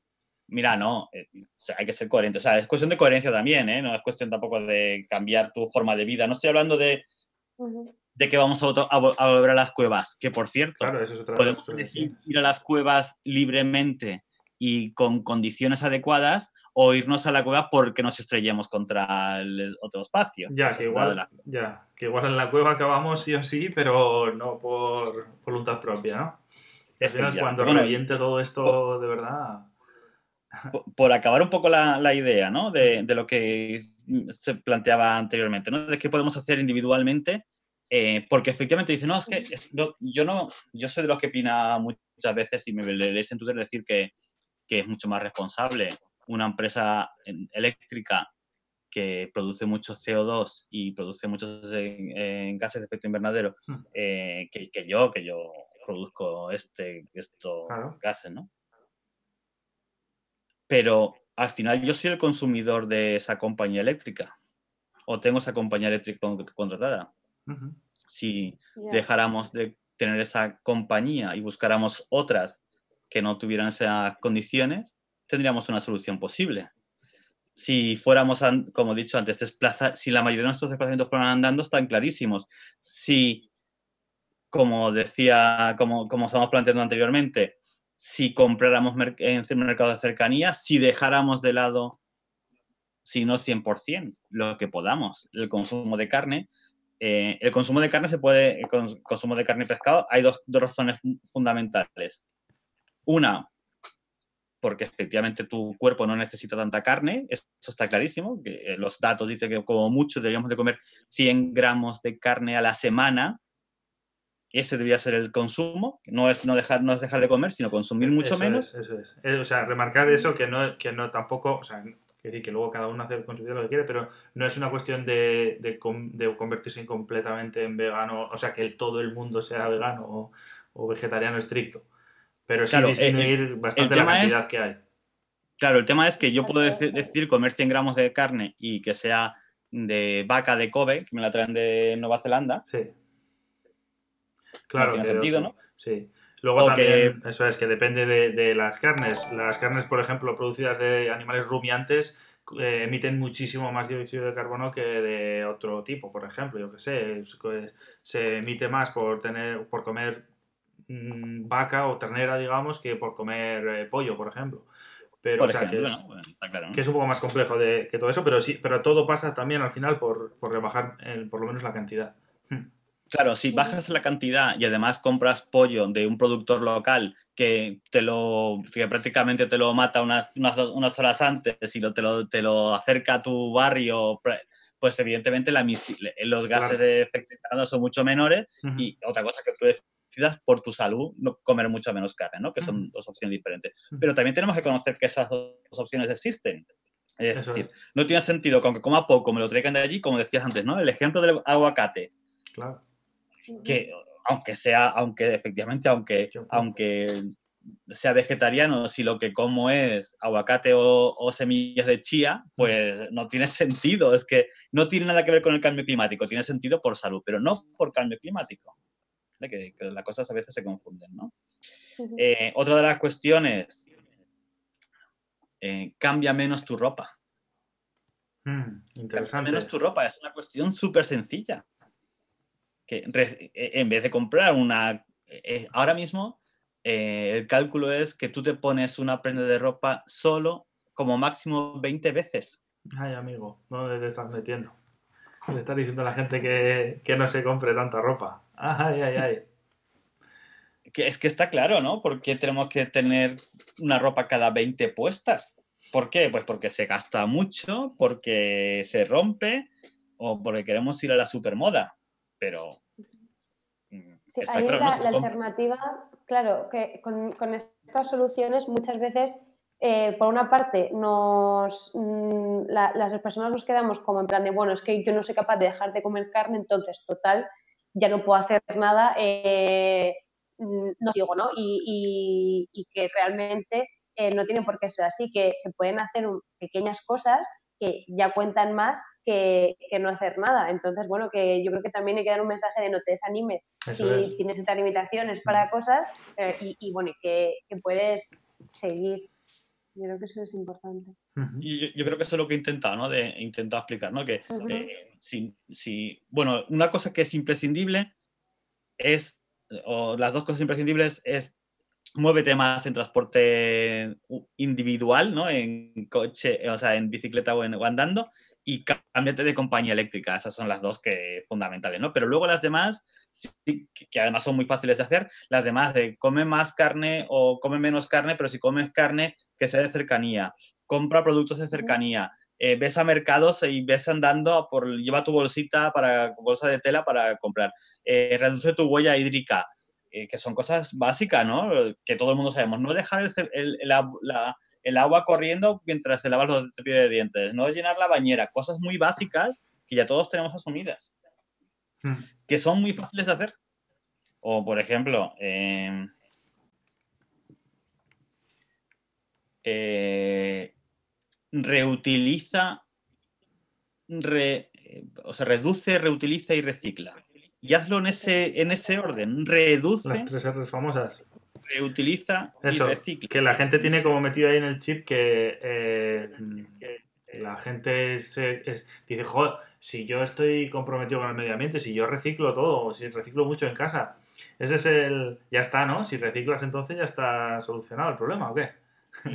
Bueno, y, tengo bombillas de bajo consumo en mi casa. Eso es. También otra de las cosas que, se dice mucho, ¿no? Claro. Bueno, la gente lo que, hay que explicarle a la gente que no es que no se trata de reciclarlo todo, sino que se trata de, de no usar tanto, tantas cosas o de no gastar tantas cosas. Y, y, en última instancia lo que has utilizado, porque no queda otras narices, entonces sí, gestionarlo en condiciones y llevarlo, o sea, reciclarlo lo que sea. Pero el problema gordo es no usar tantas cosas. ¿No? Está clarísimo, Está clarísimo. Y, pero ¿por qué ocurre esto? Pues volvemos a hacer lo mismo, ¿no? ¿Quiénes son los principales productores de envases? Pues precisamente capitalismo, ¿no? Eh, es decir, al final hay una serie de marcas que están detrás, pues asociados a la alimentación, otra vez, volvemos otra vez a la alimentación. Mm. Eh, volvemos otra vez al consumo de carne y verduras, ¿no? Eh, si, si, si, yo compro verduras en un supermercado, todo bien envasado, hasta pelado y cortadito para que tú... ¿eh? si tengo que tener clarísimo que eso no lo puedo, no lo puedo comprar, eso no se puede comprar. Eso, ¿Por qué hay, pasa eso? Porque hay gente que lo compra. Claro. Eso, no es, al revés, es que, hay gente que lo compra así. Es que eso es así. Eso pasa como con los con eh, la comida esta bio o lo que sea, que al principio eh, había un producto en el supermercado, ahí era súper caro y no compraba ni Dios. Luego ah, hubo gente que empezó a comprar, a comprar, a comprar. Ahora en todos los supermercados tiene su, su fila entera de, de estanterías o lo que sea. ¿Por qué? ¿Porque ahora nos hemos vuelto como más ecos? No, porque la peña sea, cada vez lo compra más y si compra más, pues, pues los que lo venden van a ponerlo más. Eso al final Correcto. ¿no? Funciona un poco así. Por demanda, Entonces, al, final, al, fin y al cabo. ¿Cómo compramos la carne? ¿Cómo compramos la carne? La mayoría de la gente compramos la carne envasada en plástico. Sí, claro, en la bandejita esa de blanca de, de O las hamburguesas vegetales también vienen envasadas en plástico. Eso es, eso es, exactamente. Entonces, vamos a plantear esto, ¿no? Vamos a plantear que efectivamente es que, es que el carnicero de toda la vida que, lo, venía haciendo y que además compra productos de la población de al lado donde son especialistas, no sé, por decir algo, ¿eh? en a mí no me gusta, pero bueno, pues son especialistas en eso, eh, eh, le, puede producir el mismo producto sin plástico. Pues vamos a, vamos a pedirle. Es que yo me muevo por la ciudad y voy con mi bolsita y si tengo que comprar algo, compro con mi bolsita de tela y le digo que me lo ponga en papel de estraza. Pues todo así, no es que así se estropea la carne. Oiga, mira, es una opción mía no me diga que se estropea la carne, el pescado, la verdura. No, es que no te puedo poner los tomates en una, si no te pongo bandeja porque es que los tomates se estropean. Bueno, prefiero, ya, ya, le caspacho cuando llegue a mi casa, pero póngamelo sin plástico. Ya. Es que eso pasa, ¿no? Totalmente. Vas a irse a comprar cosas así. Y digo el plástico no por el tema del plástico, sino por el tema del cambio climático. Mm. Y que hay dos problemas ahí, ¿no? Con el plástico y el cambio climático, pero es evidente que la producción alimentaria en este mundo tiene mucho que ver con la cantidad de plástico que producimos. Y el plástico tiene un problema social que es que se produce con un petróleo que tiene que llegar con, bueno, todo esto que ya sabéis todo. Todo está relacionado. Este hmm. Bueno, oye, que llevamos, ¿sabéis? ¿Sois conscientes de que llevamos dos horas rajando aquí sin parar? Perdón, perdón. Se pasa rapidísimo. Que se pasa esto rapidísimo. Siempre al final de todos los programas acabo diciendo lo mismo, que esto es la máquina del tiempo. Que aquí la gente entra, parpadea y dice, uff, eh, si son aquí ya las tantas de la noche. Madre mía. Bueno, yo, tengo que decir dos cosas antes de que me cortéis. Antes de que llegue la censura que llega la tijera, llega la tijera ahí. bueno, eh, mucho de lo que hagamos en la lucha contra el cambio climático tiene que ver con, que, con el ecofeminismo. Es decir, las personas más vulnerables en el cambio climático ya están siendo las mujeres y van a ser las mujeres. Y las que principalmente pueden eh, ayudarnos o, que pueden liderar este proceso son las mujeres. Si dejamos de lado en algún momento, pensamos en algún momento que esto no es así, estamos patinando 100%. Eh, de las 100 empresas más contaminantes del mundo, de las 199 están dirigidas por hombres. Sin embargo, los mayores, las que más están notando, mm, recibiendo el impacto del cambio climático son las mujeres. Y esto es una cuestión fundamental para entender también por qué esta cuestión de señoros tiene que ver con el ataque permanente a las lideresas que están liderando el movimiento eh, contra el cambio climático joven. Y a partir de ahí, pues podemos hacer las, cuestiones que queramos. De hecho, sí, a mí me parece. O sea, te agradezco este comentario porque me parece súper importante. De hecho, en el, en el, programa pasado ya lo, lo, hablamos entre todos los que estábamos ahí en el chat y tal.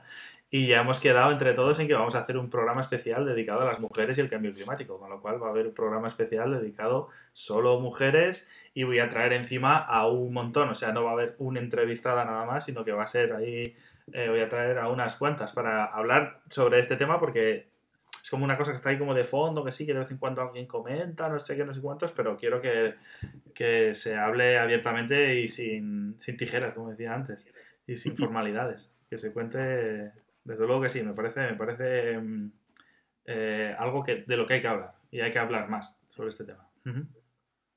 Muy bien. Qué guay. bueno, no sé si tenéis alguna pregunta más y alguna cosa más que queréis que os cuente. Tenemos miles y miles de preguntas que hacerte, pero ya no nos da más tiempo porque la gente nos va a echar, nos va a mandar a nuestra casa. Eh, Dani, macho, qué, qué rajadas nos pegamos. Oye, que muchísimas gracias. Eh, a ti personalmente, Dani, por haberte venido, por haberte echado este rato y por haber invertido tu tiempo en contarnos todas estas cosas. Todo lo que nos has contado ha sido súper interesante y lo, me pasa lo que nos pasa en todos los programas, que he aprendido mogollón, pero que luego me quedo con ganas de más, muchísimo más. Así que ya sabéis que a Dani lo tenéis, sobre todo en Twitter es donde más guerra da, que es ahí un, guerrillero, como dice él, de la educación ambiental. Y el día 1 de abril, el día 1 de abril, durante toda la mañana del 1 de abril, y, toda la tarde, todo el día 1 de abril, vamos a estar hablando de comunicación del cambio climático en, las, en la pre-conference del, del, Congreso de Comunicación y Pensamiento de la Universidad de Sevilla, con streaming. Eh, si me seguís en las redes lo compartiré cuando es, con gente top 10 en la, en, expertos en la comunicación del cambio climático, como Max Boykov o Ferran Vilar o eh, Rogelio Fernández Reyes, Qué interesante, yo no me lo gente que vamos a tener. Eh, Gemma Teso, eh, eh, la gente de Fridays for Future, que también nos acompañarán. Bueno, vamos a tener a gente realmente espectacular. Día 1 de abril, en las redes sociales lo vais a poder ver. Y, oye, y presencialmente, seréis bienvenidos en Sevilla, que ya ya huele a azar y ya estamos pre-Semana Santa, si, si, si la Semana Santa nos deja el coronavirus que exista, pero, pero si, no, si no, el día 1 de abril tendremos estas jornadas. Genial, es súper interesante. Yo no me la pienso perder, yo la voy a ver en streaming porque no voy a poder estar en esas fechas por ahí abajo, pero sí que la pienso seguir segurísimo, segurísimo, porque como ya hemos visto en el programa de hoy, eh, la comunicación es algo súper a tener en cuenta eh, en el cambio climático, súper importante en todos los sentidos. Eh, a ti también, Elena, muchísimas gracias, tía, por haberte venido, haberte echado este rato, haber, eh, haber eh, hecho las preguntas tan buenas que les he hecho a Dani también, que ha sido súper interesante la manera que lo has enfocado, y por haberme tenido ahí a la gente del chat ahí a raya, que les ha... Estaban ahí todo el rato, tenéis a Elena ojo visor, ¿eh? os ha controlado todo lo que habéis dicho. ¿eh? Esto es súper divertido, empezar a participar en todos ya, a partir de ahora. Hombre, es que es lo que mola también, mola que en estos programas, aunque haya, eh, aunque haya tres caretos ahí en, la pantalla, pero luego la gente del chat interacciona mogollón y entonces el estar ahí... aquí habla mucha gente en estos programas. Hablamos, a nosotros se nos escucha, pero luego hay un montón de gente ahí hablando en el chat y intercambiando opiniones y diciendo cosas que es súper, súper guay. Yo lo leo, aunque no me da tiempo a leer todos los comentarios en alto, pero, pero sí que los leo. Bueno, y todo el mundo, o sea, Dani también eso ha estado leyendo. ¿eh? Genial, pues eso, que muchísimas gracias, Elena, ya te lo digo, te, te, doy las gracias y te tienes que venir otro día. Al de, al de las chicas te tienes que venir al programa que haremos. Venga. genial. Bueno, Muchísimas pues gracias, me lo he pasado genial. Joder, pues cuánto me alegro, yo encantado. Todo el mundo que viene dice que se lo pasa muy bien por aquí. Sí, sí. Bueno, bueno, pues me alegro, me alegro, me alegro. Eh, y muchísimas gracias también a todo el mundo que ha estado ahí en el chat, que os hemos visto, que os hemos visto, tanto viendo en directo el programa como los que lo veáis en diferido y eh, la gente que habéis estado especialmente eh, comentando cosas en el chat, pues dejando comentarios en general o haciendo preguntas que luego hemos ido respondiendo. Si no, si nos ha quedado alguna en el tintero, por favor, escribidnos por las redes sociales que nos tenéis ahí a vuestra disposición, ¿vale? Tanto a nosotros de Enestenio TV como a Elena o a Dani, que lo tenéis por ahí. Os he puesto ahí sus redes sociales, eh, las tenéis ahí a mano. Así que buscadnos por donde queráis y nos preguntáis que encantadísimos de la vida, de seguir con esta conversación en las redes sociales. En fin, que poco más, que poco más, que hay que meterse en la cama, que mañana hay que seguir ahí guerrilleando. Eh, por el cambio climático y todas esas cosas. Sí, sí. En fin. Bueno, pues nada, poco más Bueno. se me ocurre. Muy bien. Que- Muchísimas gracias. A vosotras. Muchísimas gracias. Claro que sí, joder. Nos vemos el próximo martes, ya sabéis, todos los martes aquí en Escenio TV, en el canal de Twitch, en directo a las nueve y media hora española peninsular. Tenemos programa de cambio climático que no había, pero yo he conseguido que sí que haya, dar la matraca semanalmente aquí, dos horas no patrocinadas por absolutamente nadie de momento. Luego, si me unta mucho el morro, ya veremos a ver lo que pasa, que igual luego me hago, me pinto de verde la cara también. Yo, ¿eh? Si hace falta, no sé, ya veremos. Pero de momento nadie patrocina esto, así que seguiremos dando la matraca y hablando de cambio climático todas las semanas. Muchísimas gracias a quienes estáis ahí al otro lado y ayudadnos por favor a compartir esto, sobre todo también a través de las redes sociales. Y cuanto más lo compartéis vosotros, más gente lo verá y más gente eh, aprenderemos cosas sobre cambio climático. El próxima, la próxima semana, a ver a quién traigo. Hay que estar ahí atentos a las redes sociales. A ver a quién traigo. Yo creo que va a ser otro tema súper interesante y totalmente diferente. A ver, a ver lo que viene por aquí. Lo dicho, que nos vemos eh, el próximo martes. Ahora os espero ahí al otro lado de la pantalla, ¿eh? en fin. Bueno, pues nada, sin más dilación, nos despedimos de todo el mundo. Muchísimas gracias por todo y ahora sí que sí, cerramos la conexión. Hasta luego.